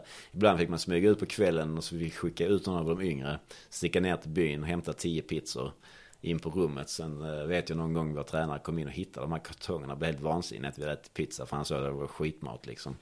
Så tränade vi tre gånger om dagen. Så det spelade inte så stor roll. Det var nog bra att äta en pizza då och då. Eh, nej men så att det var väl den relationen. Och vi fick väl en ganska bra relation. Eh, för att det blev han och jag som var ute och reste sen. Och vi hade väl inte så mycket gemensamt heller. Mer än att vi, vi hade intresset i att man ska träna hårt. Ehm, så att eh, där var det. Och sen träffade jag Jannik och där var det ju eh, Det var ju efter fyra år. Och då hade jag Jannik i drygt ett år bara. Men vi hann också lära känna varandra ganska bra. Och det var nog egentligen precis vad jag behövde under den perioden. Men Sen så gick liksom, sen kom nu allt, allt mitt negativa beteende fick liksom en konsekvens I slutändan där när jag hade skadat mig i den här EM-finalen och tvingades vila Och slappna av. Eh, och då liksom kom nu alla de här åren av eh, pushande och pressande över alla gränser liksom kom nu fatt mig då när jag tillät mig själv att slappna av och då, då blev det liksom bara helt svart. Nej, för jag tänker på de polska skidbackarna och 2.38 och det blev aldrig högre än så när du var 22. Har du reflekterat över det sambandet eh, efteråt? Ja, men det har jag. Det är, alltså vi, vi, jag har pratat med en, en min närmsta vän, tränar i samma grupp, hoppade stavhopp och deltog också på ett olympiskt spel tillsammans. Eh, och ingen i hans träningsgrupp på den tiden då, fram till nu bor han i Qatar och har tränat då Mottasen till OS-guld i höjdhopp. Men de tränar helt annorlunda. Men fram under den tiden så var det ju ingen som, som kunde utöva sin idrott efter 25 års ålder. För alla var så söndertränade. Det talar väl för sig själv. Alla gjorde väldigt bra resultat väldigt tidigt, framgångsrika. Men det var ingen som höll på med sin idrott efter 25 års ålder. Det är ju ganska talande för sig själv. Tränade alldeles för hårt. Folk fick stressfaktorer till höger och vänster. Problem med ryggen. Eh, antingen så blev man mentalt stark eller mentalt nedbruten. Eh, så att givetvis har det ju med det att göra och, och, det var ju kanske det jag minst behövde. För jag hade ju en träningsvilja, träningssug som, som räckte liksom till hur mycket som helst. Så jag behövde egentligen en tränare som begränsar mig. Som sa det här, är, det här räcker, du får inte göra mer. Hade kanske lärt mig något som, som ingen pratar om, mental återhämtning. Du måste liksom tänka på någonting annat, du måste göra någonting annat. Eh, men där hamnade inte jag. Eh, jag sökte mig till en miljö som jag tyckte var lockande. Och där och då visste jag inte bättre så att jag kan inte ångra. Jag hade inte gjort om det men jag kan inte ångra det valet jag gjorde. För där och då så trodde jag att det var absolut bästa jag kunde göra. Och det är jag nöjd och stolt över. Att fan jag gjorde mer än många andra. För att jag trodde på det här och jag gav 200 procent. Så jag kan inte ångra, jag gjorde bara det på fel sätt. Men jag, hade, jag, jag, jag visste ju inte om det så att det var inte så att jag valde du hade inte en tränare som visste om det här? Nej, och jag, det var inte så att det fanns något annat alternativ på bordet som det här, det här är bättre men nu valde jag det. Utan jag tänkte här, det finns bara detta. Det påminner mig lite grann, jag pratade med Mark Allen en gång som har vunnit. Eh, Ironman sju gånger på Hawaii. Ja. Han tyckte att de absolut svåraste och jobbigaste träningspassen det var när man inte fick lov att ta i. Ja men det stämmer och det är alltså våga vila. Um det är intressant och det är många som är, är ju extremt rädda. Det var jag också. Man är rädd för att vila, man är rädd för att slappna av. Eh, man vet, man är liksom... För då, man tror att man inte gör det bästa för sin idrott när man släpper det. I några timmar, ett dygn. Men det, det är ju det bästa du kan göra oftast för att du kommer tillbaka med en sån hunger, ett sug. Som liksom... Som du inte får om du gör någonting varje dag, dag in, år ut. Liksom. Då, då försvinner det här lilla extra. Så att man måste våga vila i ett syfte både mentalt och fysiskt. Fysiskt så blir du bättre, du hinner bygga upp det, kroppen återhämtar sig. Mentalt hinner du bygga upp det här suget som man hade när man var ung. Liksom du kan ju få tillbaka det lite genom att vara ifrån det lite. Eh, så att, ja nej där, är, där, där fanns mycket att lära. Vi, då jag och Jesper som pratar om det här, min träningspartner. Vi säger ju det, ja vi borde ju tränat kanske 60% av det vi gjorde. Men det var han som sa det först att ja, men jag kan inte ångra det för där och då så, så var jag helt säker på att det var det bästa. Jag, man är ju stolt över att man valde det som var det var det tuffaste och bästa alternativet. Utifrån vad man visste. Men sen kom ju då eh, den här, eh, eh, den här skadan. Och sen eh, gick det milt sagt, sagt rakt ut för. Ja, det är inte som att kasta ett ankare utan, eh, utan någon eh, förankrat till något sätt mitt ute i havet faktiskt. Nej, det blev, blev helt svart. Eh, gick in i vad jag då inte visste var en utmattningsdepression. Någonting som jag inte visste vad det var för någonting. Jag kunde inte relatera, kunde inte förstå vad det var. Så jag trodde att jag var sjuk, att jag hade fått något virus, någon bakterie som man inte kunde hitta. Jag åkte liksom världen runt och, nej inte världen runt, Sverige och så var jag i Tyskland och gjorde en massa tester. Det fanns ingenting som var, som var fel liksom på det sättet. Och jag kunde liksom inte börja träna och därav så bröt jag mitt samarbete med Jannik då. Och det hade ingenting med oss att göra egentligen. Det var bara att jag Jag låg bara hemma i min säng och kunde inte göra någonting och kände mig stressad över att jag inte var i Göteborg och tränade. Kände mig stressad lite över att jag svek honom för att vi hade bundit upp och han hade lagt ner mycket tid på mig utan att egentligen ta något Ta någonting för det. Eh, och han var ute och reste med ganska mycket. Eh, och då kände jag också liksom, fan, det här liksom bara svika på det sättet. Men jag kände jag måste därför jag är så stressad över situationen. Och då bröt jag med honom och så försökte jag liksom komma tillbaka lite själv. Men eh, jag liksom hamnade i de här svackorna hela tiden. Och då var det liksom, jag hade liksom problem att ta mig ur min egen säng av egen kraft. Flera dagar så var jag bara uppe ur sängen när jag gick upp och åt. Sen gick jag och la mig och sov igen och sov liksom upp till 20 timmar varje dag utan att överdriva. Och när det var som värst. Och sen så började jag liksom så smått rehabilitera mig, eh, gå ut och gå, promenera efter sex månader kanske. Eh, och så har jag en extrem eh, fysik och genetik som gör att, vilket jag har märkt än idag, att jag behöver träna extremt lite. Och min explosivitet bibehåller jag väldigt lätt tydligen. Och då hade jag ju vilat ett halvår så det var inte så att jag blev så mycket sämre vad jag trodde att jag skulle bli. Så när jag började liksom gå tillbaka till träningen efter åtta månader och, och jogga och stretcha lite så, så testade jag vissa grejer och gjorde väldigt bra resultat på, på att egentligen inte ha gjort någonting. Och den sommaren då 2011 efter, ett år efter den här incidenten på Europamästerskapen när jag skadade mig och det sen blev svart. Då så eh, drog jag ner till Spanien, tävla, vilket var helt sjukt. Jag var ute från min lägenhet tre gånger en timme i veckan när jag stack och tränade den här halvtimmen. Eh, och helt plötsligt skulle jag dra till Spanien och träna. Eh, och där så åkte jag dit, gjorde en tävling, gick ganska bra. Men när jag flyger hem därifrån så hände liksom, då, då blev det bara svart igen. tillbaka på ruta ett. Låg och sov i min soffa där i två månader. Sen bara insåg jag, fan, det här är liksom, det här är inget som kommer gå över. Det här är någonting jag måste förändra. Och jag klarar inte av att göra det i ett idrottssammanhang för att på den tiden fanns det ingen hjälp att få, det fanns ingen kunskap, man visste inte vilka redskap, man visste inte vad man skulle göra. Så jag insåg att jag kommer inte kunna gå den vägen om jag ska få tillbaka ett, någon form av liv. Eh, och jag kände att jag har inte kraft att gå den vägen igen. För jag orkar inte dra upp mig igen. Eh, nu har jag inte gått in på så djupa detaljer. Men allt från, från att ligga och gråta i flera dagar, panikångestattacker. Liksom inte se något ljus i dagen. Jag har liksom aldrig varit nära på att ta mitt liv. Jag kom ändå till en punkt där jag inser, alltså kommer det vara så här resten av mitt liv? Då är det, det är inte värt att leva då. Jag var aldrig där, men jag tänkte tankarna. Och fick respekt och förståelse för folk som tog sina liv. För jag inser, är det så här år in, år ut det går, alltså det, det, det tär på en så in i helvete. Så jag kände bara, jag kan inte gå tillbaka där. Eh, men hade jag varit i det valet och kvalet idag med den kunskapen jag har idag så hade jag kunnat fortsätta idrott. Jag vet inte vilken nivå det hade varit på. Men jag hade definitivt kunnat hantera situationen på ett mycket bättre sätt genom att hitta mina vad är, var återhämtar jag mig? Hur hittar jag mina frizoner? Hur hittar jag liksom både den fysiska och, och men framförallt den fys psykiska återhämtningen. Vad kan jag, men vad funkar för mig? Är det liksom att gå ut och mata ankorna i en park eller är det att klippa en gräsmatta? Är det att läsa en bok, lyssna på en podd? Eh, det fanns ju tyvärr inte poddar och tv-serier på det sättet 2010-11. Eh, vilket idag är fantastiska redskap för mig att koppla av på. Eh, men hade jag vetat saker då som jag vet nu så hade jag kunnat gå till idrottskarriären och skapat den på ett nytt sätt tror jag. Men det fanns inte då så då började jag om på noll liksom och fick, eh, fick ut och gå fem minuter i veckan, tio minuter nästa vecka, 20 minuter nästa vecka. Och eh, började jobba som timanställd på ett eh, ungdomshem liksom för att egenträna på eh, eller arbetsträna på eget sätt för att jag kom, blev sjukskriven på papper av en psykiater men Försäkringskassan godtog inte det. För de ansåg inte att jag hade haft ett riktigt jobb. Även om jag var anställd i mitt eget bolag och tog ut samma lön år in och år ut. Så fick jag liksom svaret att men du, du får gå och jobba 100% ett år på ett vanligt jobb. Och så sjukskriver vi dig sen.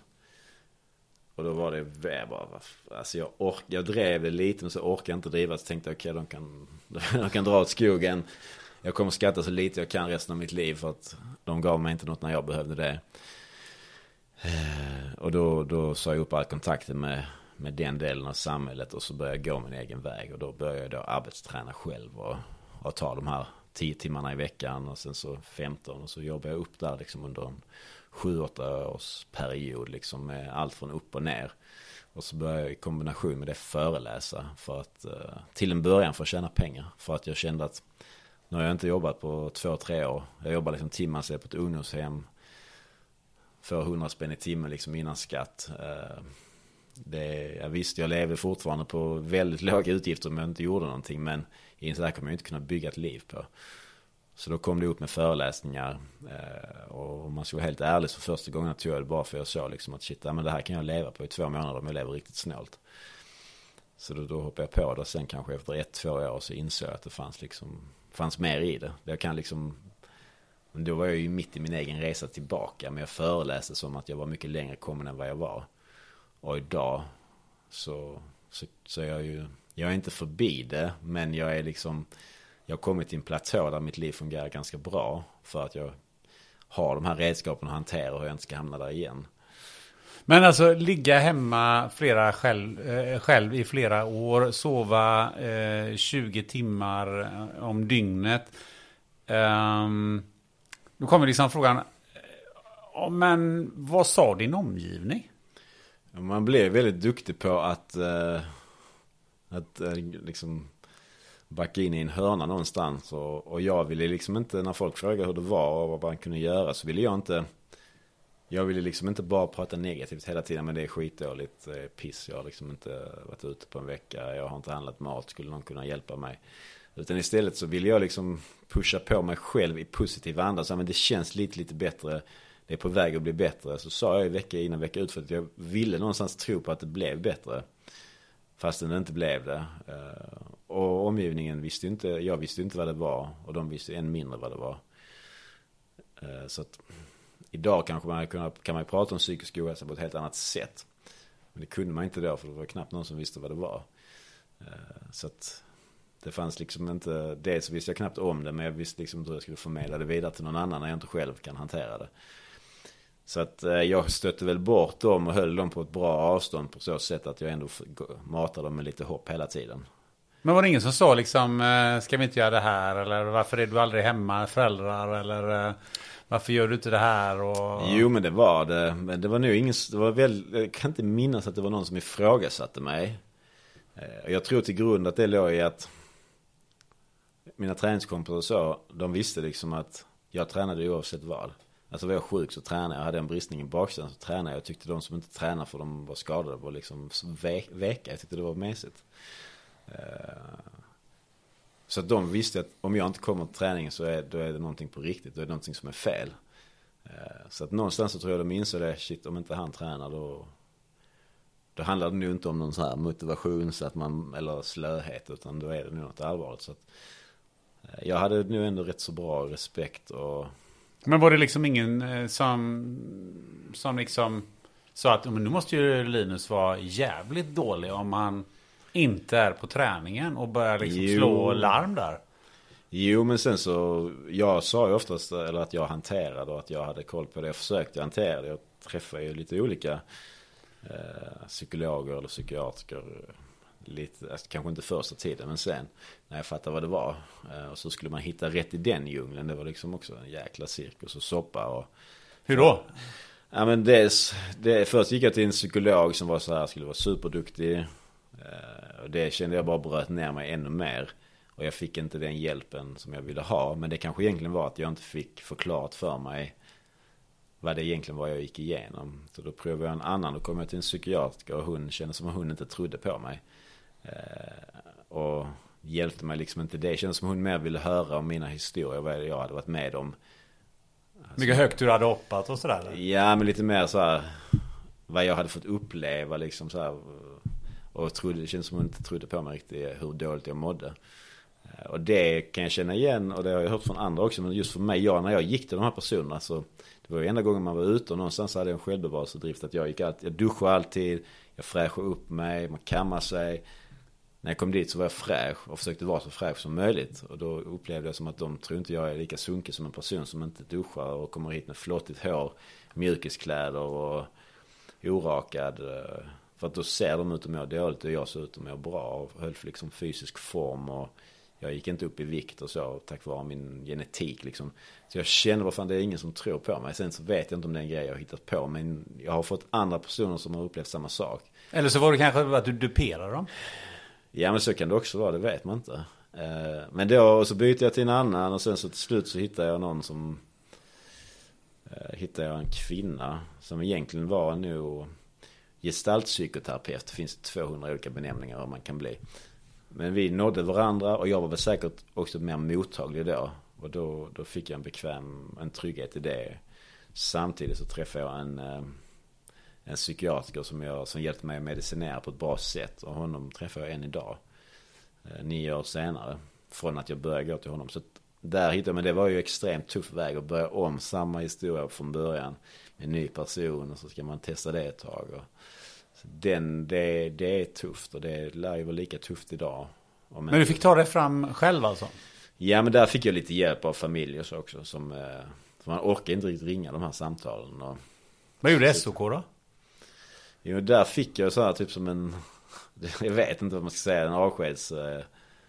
Vi liksom kom överens lite om att jag gick inte ut och berättade att jag skulle avsluta min karriär förrän våren 2012. Varför det?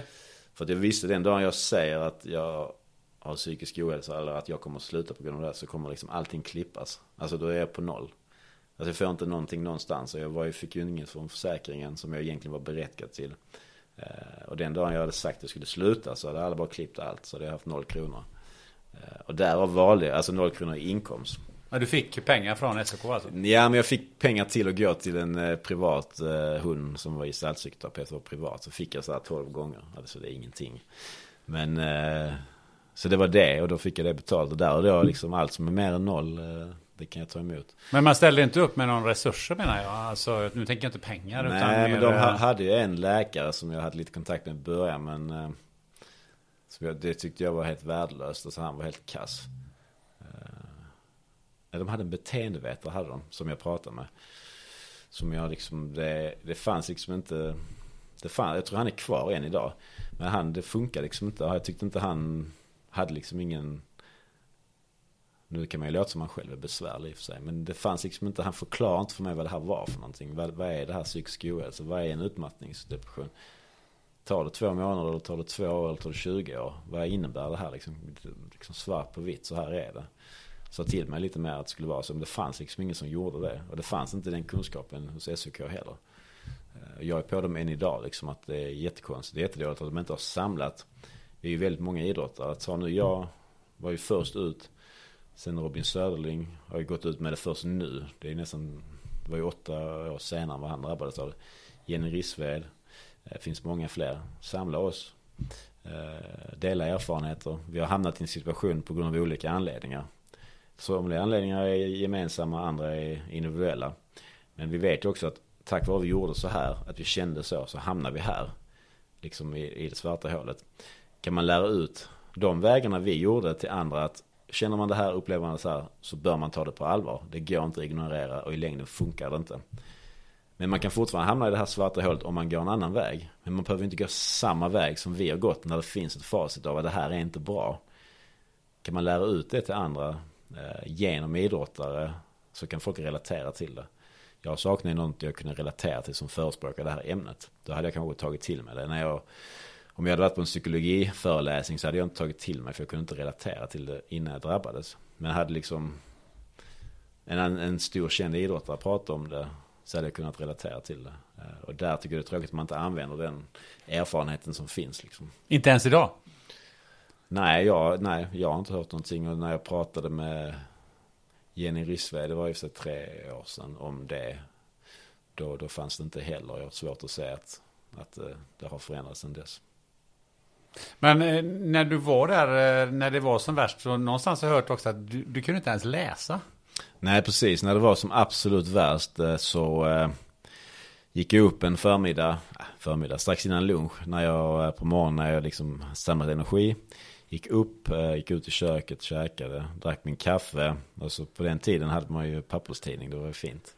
Jag, hade- ja, men jag hade det och då satt jag och bläddrade och skulle läsa så förstod jag inte vad det stod. Tänkte liksom, oj vad konstigt. Så tänkte jag, jag var så trött så efter varje måltid gick jag alltid och la mig och sov. Eh, oavsett när det var. För det var en sån ansträngning att gå upp. Eh, sov jag några timmar så gick det väl några dagar. Sen bara slog det mig. Jag kunde inte läsa, det kan inte stämma. Jag gick ut i köket, försökte läsa och insåg bara jag, jag har tappat läsförmågan. Alltså jag kan liksom inte få ihop det. Så bara, som man ser ibland så här på tv-serier eller barnprogram när, när siffrorna bara så bara svamlar ihop. Så var det för mig. Var det rent synmässigt eller var det förståndsmässigt? Alltså jag är lite osäker. Det var säkert en kombination. Att jag kunde liksom inte fokusera i huvudet. Eh, att få fram vad det var där. Så att det... Blir du inte rädd då? Jo men då blev jag rädd och då kände jag liksom att pff, det här kommer jag aldrig våga berätta för någon. Det är ju superpinsamt att blotta sig och, och de bitarna. Men eh, så där var väl en av de värsta så här, upplevelserna. Alltså insikterna bara oj. Och så fick jag liksom lära mig läsa från början igen. Sitta i mitt kök, 25 år. Lära mig bokstavera ord, få ihop ord, meningar, innebörden med meningar. Det var... Det, det är så länge sedan nu så man tappar ju lite greppet om det. Men det, det, det, det är ju en av de absolut så här skrev mest skrämmande grejerna jag var med om. Jag var med om mycket sjuka grejer men det var så här. Det var så tydligt liksom. För det är liksom någonting du har lärt dig cykla en gång. Så du bara helt plötsligt inte kunna cykla. Vad var det mer? Har du några mer exempel? Nej men en panikångestattack som jag fick. Jag trodde jag skulle få en hjärtattack. Jag visste inte riktigt vad det var. Jag var helt säker på att jag, jag skulle dö liksom. Jag trodde att det var också när jag var 25-26 där någonstans. Så, så låg jag i min säng, vaknade tidigt i morgon vid 3-4. Bara låg och skakade, kände hur hjärtat, pulsen bara steg. Hur det slog i bröstkorgen och sen hur det bara liksom gick upp i 210 kilometer i timmen i hjärtat och bara smällde. Bara tänkte shit nu, nu är det kört. Och eh, någonstans kände jag att jag måste bara somna. Jag måste bara somna så jag kan sova mig igenom det här. Men det gick inte. Jag låg i fosterställning och så visste jag att jag hade inne på toaletten hade jag sömntabletter.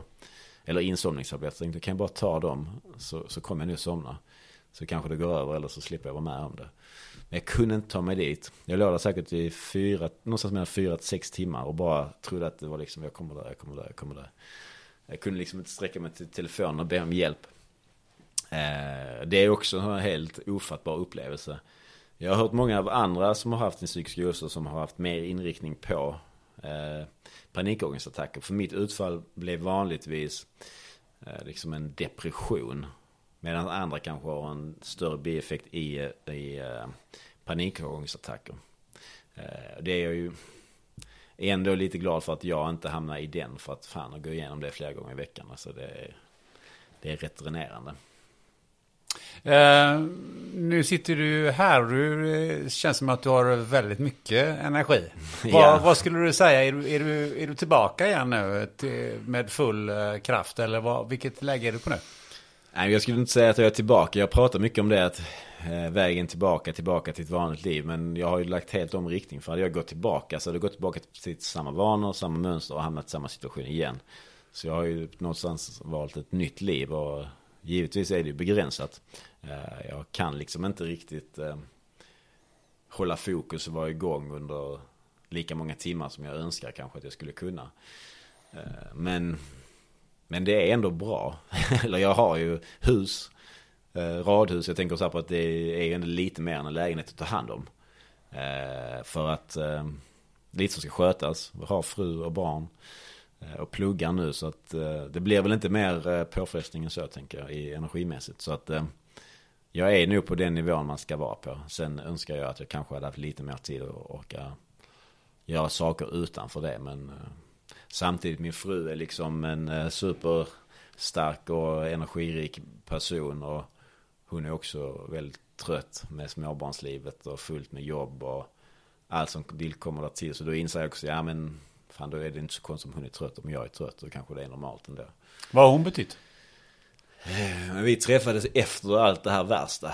Ehm, så just i den första, första åren där så var, ju inte hon med.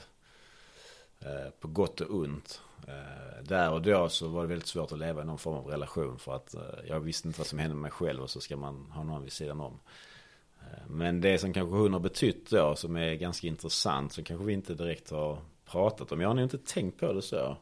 Som du frågade nu på det sättet. För att hon kom in i mitt liv början av, alltså, jag är lite oense där, men slutet av 2014, början av 2015, eh, blev vi tillsammans då.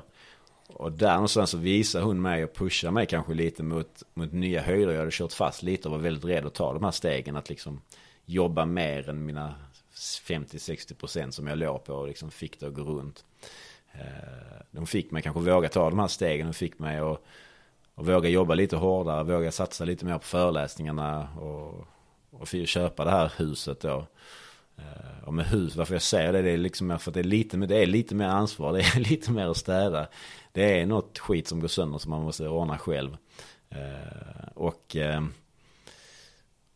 och framförallt då att våga skaffa barn, någonting som jag var ganska säker på att jag inte skulle våga för att jag kände att jag måste ha så mycket mer energi.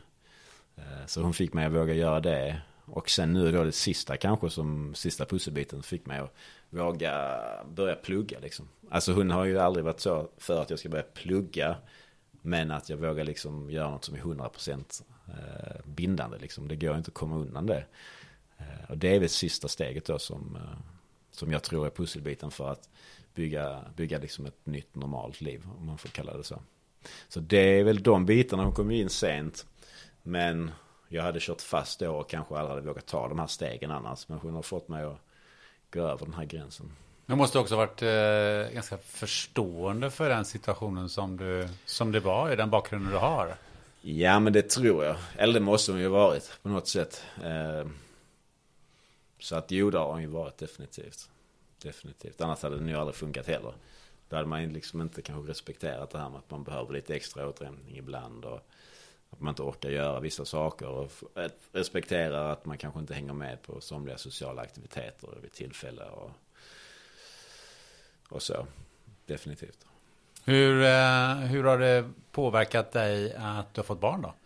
Eh, jo men det, det är ju häftigt. Det, det är en omställning. Innan prioriterade jag sömnen väldigt mycket i min, alltså i min egen rehabilitering då. Men eh, nu är det ju, det är ju kört. Det finns liksom inte på kartan.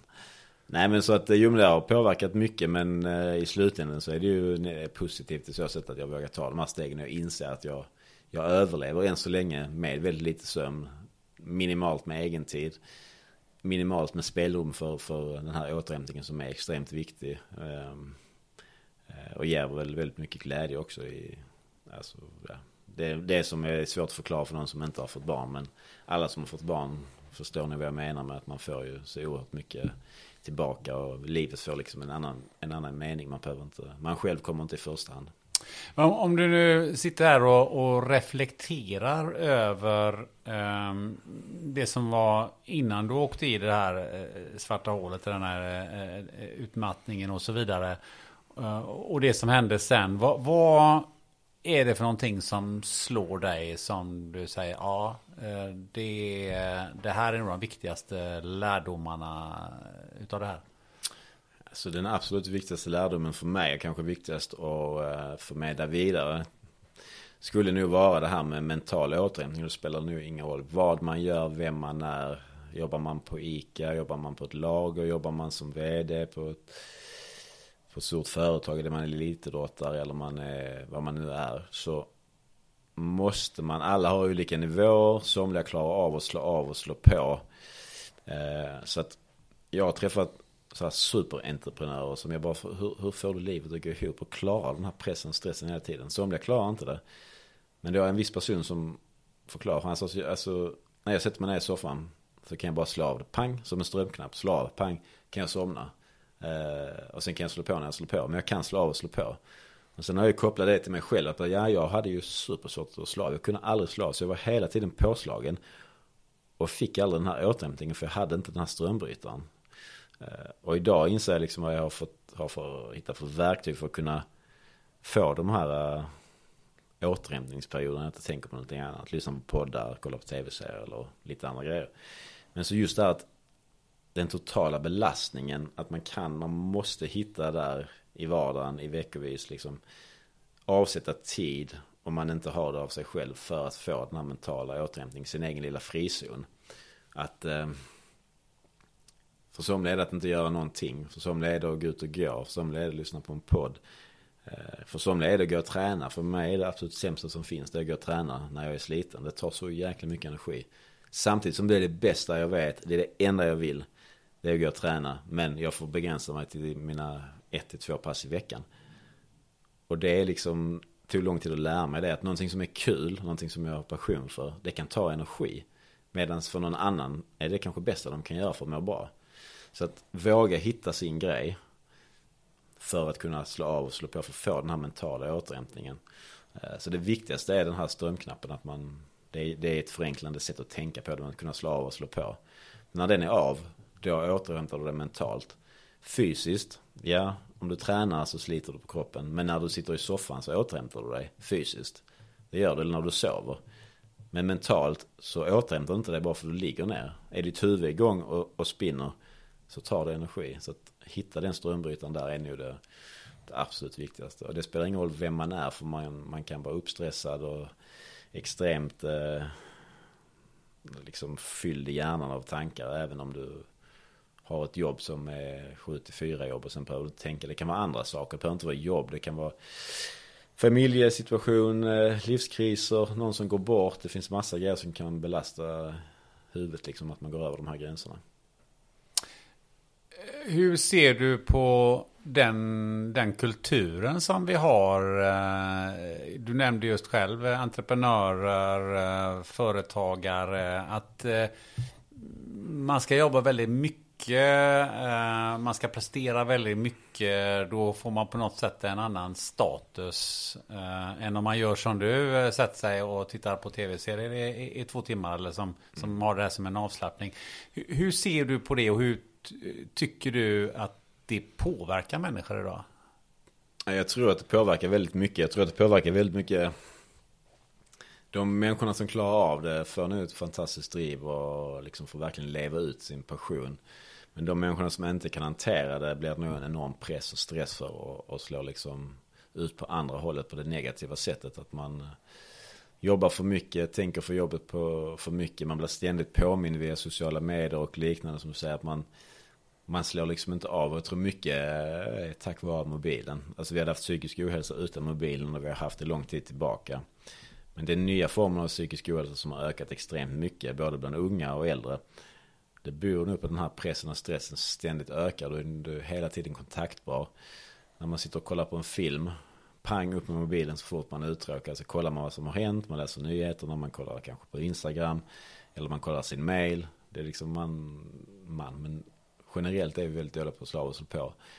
Och mobilens tillgänglighet för jobb och pressande och stressande saker. Sociala medier i den mån om att du ser hur mycket andra jobbar. Hur mycket de tränar, hur mycket de äter sunt eller vad det kan vara. Vem man nu, vad man nu har svårt för att ta. Eh, blir man ständigt påminn om det så blir det hela tiden. Det är väldigt svårt att slå av. Tror jag är den här nya formen av, den nya vågen av psykisk ohälsa som har kommit är nog mycket förknippad av att man ser allt och alla och är ständigt eh, nåbar hela tiden. Om man inte har det på natur att man inte tar, tar till sig det man, man ser. Eh, men om du tänker tillbaka till när vi började nästan det här samtalet där du bland annat nämnde att ja, men jag blev nästan tvingad till att gå ner och eh, hoppa höjdhopp. Eh, och så kom du in på den banan. Om du tänker att det där inte hade hänt. Mm. Hur tror du eh, att livet hade sett ut då för dig? Alltså en viss del hade ju varit skittråkigt. Jag hade inte fått uppleva så mycket tror jag. Jag tror jag hade fastnat i ganska fyrkantiga och tråkiga vanor väldigt tidigt. Så att jag hade inte fått uppleva så mycket. Samtidigt så hade jag också kunnat ha en prestationslöst roligt. Det hade inte krävt kanske så mycket. Eh, men framförallt så i slutändan så tror jag nog att jag hade hamnat där ändå. Det hade bara tagit väldigt mycket längre tid. Det kanske inte ens hade hänt idag. Det kanske hade hänt om tio år. Varför då? Eh, därför jag tror jag har den här personlighetsdragen att kunna pressa och pusha mig alldeles för långt. Att jag inte kan sätta de gränserna. Eh, så hade jag haft ett vanligt jobb. Alltså vanligt jobb låter ju som att det är något negativt. Men för mig tänker jag det är liksom ett, ett jobb som, där man är anställd av någon när man inte behöver driva det själv. Hade jag haft den formen av jobb så hade jag säkert tränat sex dagar i veckan. Eh, jag hade säkert pushat gränserna och och liksom bara lagt på och lagt på ändå. Eh, så då hade det nog brustit. För jag har nog inte den, har inte haft den liksom gränsen att stoppa mig innan. Och då hade jag inte heller varit medveten om det. Så då hade jag nog hamnat där förr eller senare. Men som elitidrottare eller om du blir, får en hög position inom ett jobb. Eller du är entreprenör. Så är det lite lättare att hamna där lite tidigare. För att du kan liksom lägga på, det blir en extrema situationer väldigt tidigt. Och talar jag från elitidrotten så är det en extrem situation. Du ska få ut så mycket som möjligt på så kort tid som möjligt. Eh, och då är ju risken att du hamnar där tidigare. Kontra om du drar ut det på ett liv. Så, så tar det nu längre tid att hamna där. Eh, man kan hamna där ändå. Och det gör man ju. Så jag tror bara jag hade hamnat där lite senare. Hur, hur kan det påverka att man är extremt viljestark eh, som person? Så lär man sig styra det så blir det en enorm tillgång. Och därför tror jag det är så det finns många som använder före detta elitidrottare inom företag och, och så för att man ser att de är så drivna och målinriktade och det är liksom väldigt framgångsrikt i den världen. Eh, så att det är ju en tillgång om man lär sig och lär man inte sig styra det så, så kan det ju vara en extrem belastning. Eh, och jag är nu någonstans mitt emellan. Jag har så jäkla snävt vad jag är intresserad av. Ehm, så att saker jag brinner för, det är först då jag går igång. Och det händer inte så ofta. Så att det kanske är bra. Men sen är det lite synd att jag inte kan använda det på fler sätt positivt. Att jag liksom kan, kan välja att nu, nu när jag pluggar. Tänk om det hade varit roligast jag visste bara plugga. Då hade jag bara läst hela tiden. Helt fantastiskt. Jag tycker det är fruktansvärt tråkigt. Jag gör det för att jag måste lära mig det. Men hade jag kunnat vända det och liksom, okej okay, nu det här besattheten, hamnar i det här. Då hade det varit en enorm styrka. Så att eh, det är nu både och. Men vilka råd skulle du vilja ge till andra just att upptäcka de här eh, tecknen tidigare än att man ska hamna i där du hamnar? Mm. Eh, ja, det är, och det, det är ju det svåra. Eh, det är liksom svårt på en, jämfört med en fysisk skada. Så kan du ju se liksom en, gör du magnetröntgen så kan du se att muskeln börjar gå sönder och så kan du förhindra det innan. Eh, och här så ska du verkligen känna det och veta vad du ska känna efter. Men det är ju Ofta är det liksom en extrem trötthet som kommer över en som inte går att sova bort. Spelar ingen roll om du sover 10 timmar eller 5, du är lika trött. Um, för att du, du, du är så pressad och stressad. Så att extrem trötthet, lätt irritation. Um, svårt att slå av och slå på. Eh, sover lite sämre. Eh, är väl kanske de vanligaste så här som, men, men det kan ju också bara vara i perioder. Det behöver inte betyda att man är på väg i psykisk ohälsa. Så idag kastar man sig ganska enkelt med ordet eh, psykisk ohälsa medan folk är lite trötta och slitna. Och det är normalt att vara det i livet för att det går i perioder. Men det är inte psykisk ohälsa. Det är liksom när du, när du gör det under alldeles för lång tid och det smäller. Då kan du hamna i psykisk ohälsa. Men att vara trött och sliten och deppig det kan man vara normalt också. Liksom. Det hör till livet. Och det är det folk idag kanske slänger med att man har hamnat, haft liksom, varit lite i en psykisk ohälsa för man har mått dåligt. Men det, det, man kan må dåligt och man kan må dåligt. Det, det är svårt. Men jag åter till tipsen där. Så att de eh, sover dåligt, ständigt trött oavsett hur mycket man sover. Eh, lättirriterad. Eh, inte kunna slå av och slå på de här grejerna som man, är, som man då fastnar på och tänker pressen och stressen. Närminnet har jag hört att det eh, sviktar också. Nej, ja, precis. Närminnet definitivt. Det finns ju typ så här ganska tio vanliga grejer. Eh, och närminnet är ju en av dem. Eh, att man får väldigt dåligt närminne. Men det tycker jag att jag har hela tiden. Så att, men visst, om jag ska tänka på det när du ser det. Så mitt närminne är ju extremt mycket sämre när jag är jättesliten. Som under sommaren så har jag haft det ganska lugnt. Eh, då har mitt närminne blivit mycket bättre. Jag har liksom en tenta som jag är back från plugget och jag har börjat läsa på den. Och helt plötsligt kommer jag ihåg det jag läser. För när jag var inne i den här pressen och stressen, massa vabb, 100% plugg, ska göra massa andra grejer och så familjeliv. Alltså då, jag kommer knappt ihåg vad man åt på morgonen ju. Så att det hänger ihop som du säger, att närminnet blir ju sig får ju sig en kyss också. Kan du eh, säga, också om du tänker tillbaka, eh, det här skulle jag definitivt gjort annorlunda. Och hade det hjälpt dig? Eh, ja, det jag skulle gjort annorlunda är att hitta någonting som fick mig att koppla av. Eh, börjat läsa böcker eller någonting när jag var ute och reste. När jag låg mellan tävlingar och träningar, eller mellan träningarna och passen hemma. Eh, så låg jag bara och väntade på nästa träningspass. Jag skulle gjort någonting annat, jag skulle pluggat hur mycket jag än hatade. Så skulle jag satt mig och pluggat, skaffat en hobby som liksom verkligen tog mina tankar dit. För att inte tänka på träningen. För att när jag sen hade kommit till träningen så skulle jag liksom vara liksom mentalt återhämtad på den biten. Men nu jag tänkte på träningen från det senaste passet till nästa pass. På vad jag skulle göra. Och då låg jag liksom och slet ut det istället för att liksom tvinga mig att göra någonting annat. Så att jag hade nog lärt mig eh, Alltså hittat någonting som gjorde att jag tänkte om det var hobby. Eller om det var liksom att tvinga mig att jobba någon timme extra mitt på dagen eller plugga så hade jag gjort det. För att det hade gett mig mer hållbar idrottssatsning över tid. Du, eh, vi ska avrunda alldeles strax. Eh, men jag måste ju fråga framtid. När får vi se dig i Mästarnas Mästare? Eh, alltså snart så, jag, eh, jag vill ju vara med, det hade varit en dröm. Men jag, jag har ju någonstans i så här barnslig protest inte tittat på förra säsongen. Eh, För att? Ja, men jag, nu tycker jag att nivån har blivit väldigt låg. I många idrotter. Jag anser ändå att somliga av dem så har jag varit. Men jag tror de har någonting emot mig. Alltså det ligger någonting djupare där. För att jag har... Eh, eh, jag vet inte. Jag har aldrig fått frågan. Jag har nog aldrig ens varit nära. Jag har nog gett upp den drömmen. Men denna säsongen då. Som kommer. Vad lever vi i nu? Det kommer nu 2022 då. Sänds den väl i vår kan jag tänka mig. Eh, och där är idrottare som har presterat väldigt mycket mindre. Och det var det första säsongen också.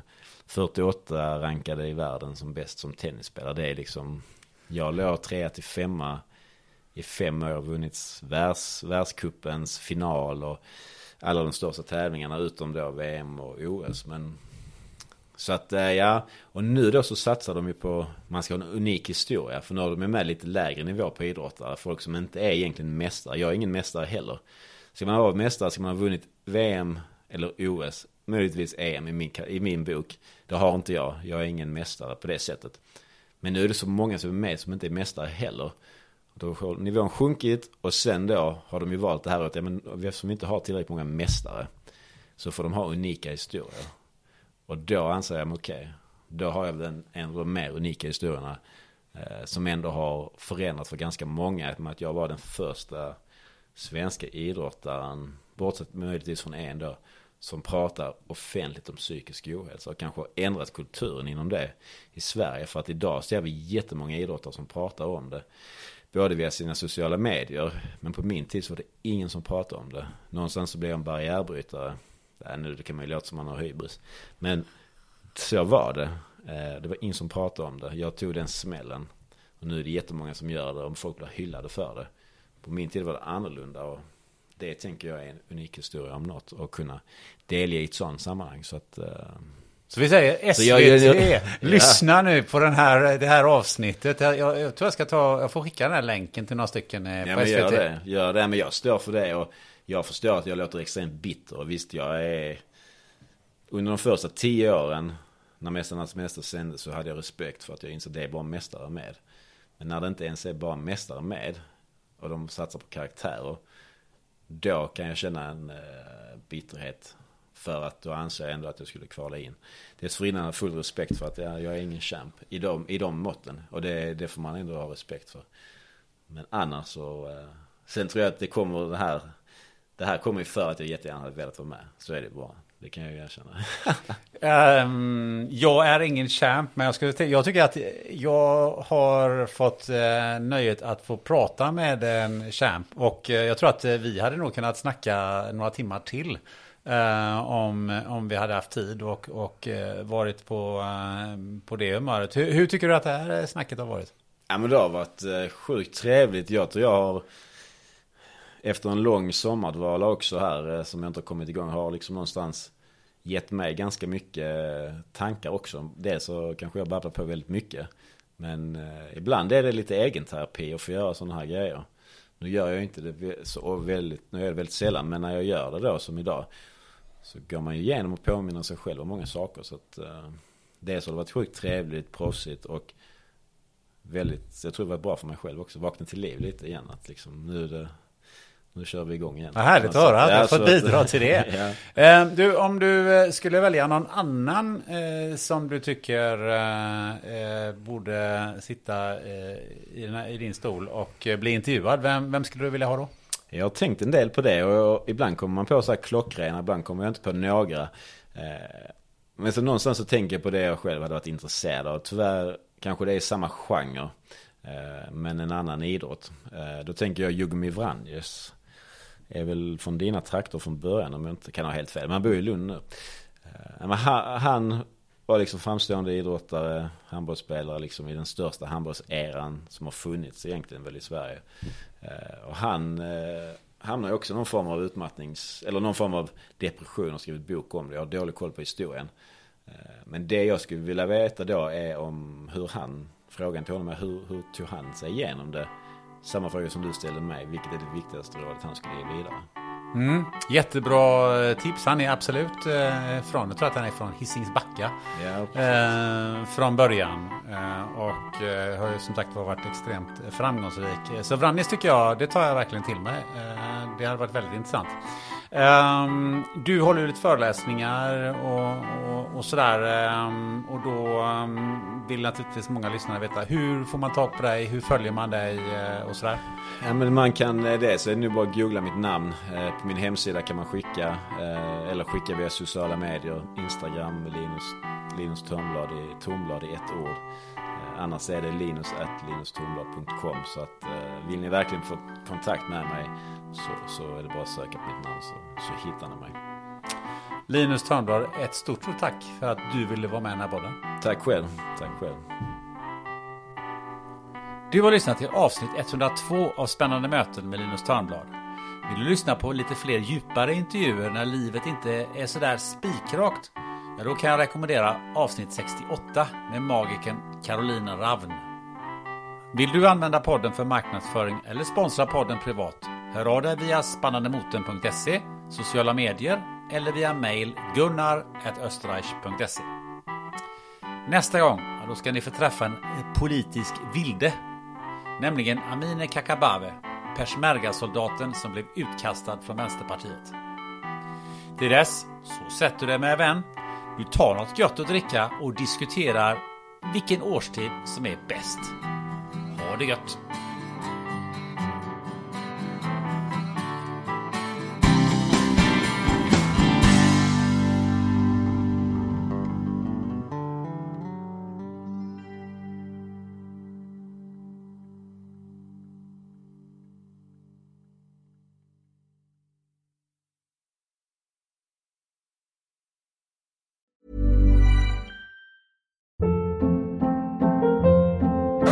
Hold up. What was that? Boring. No flavor. That was as bad as those leftovers you ate all week. Kiki Palmer here, and it's time to say hello to something fresh and guilt-free. Hello Fresh. Jazz up dinner with pecan-crusted chicken or garlic butter shrimp scampi. Now that's music to my mouth. Hello Fresh. Let's get this dinner party started. Discover all the delicious possibilities at hellofresh.com.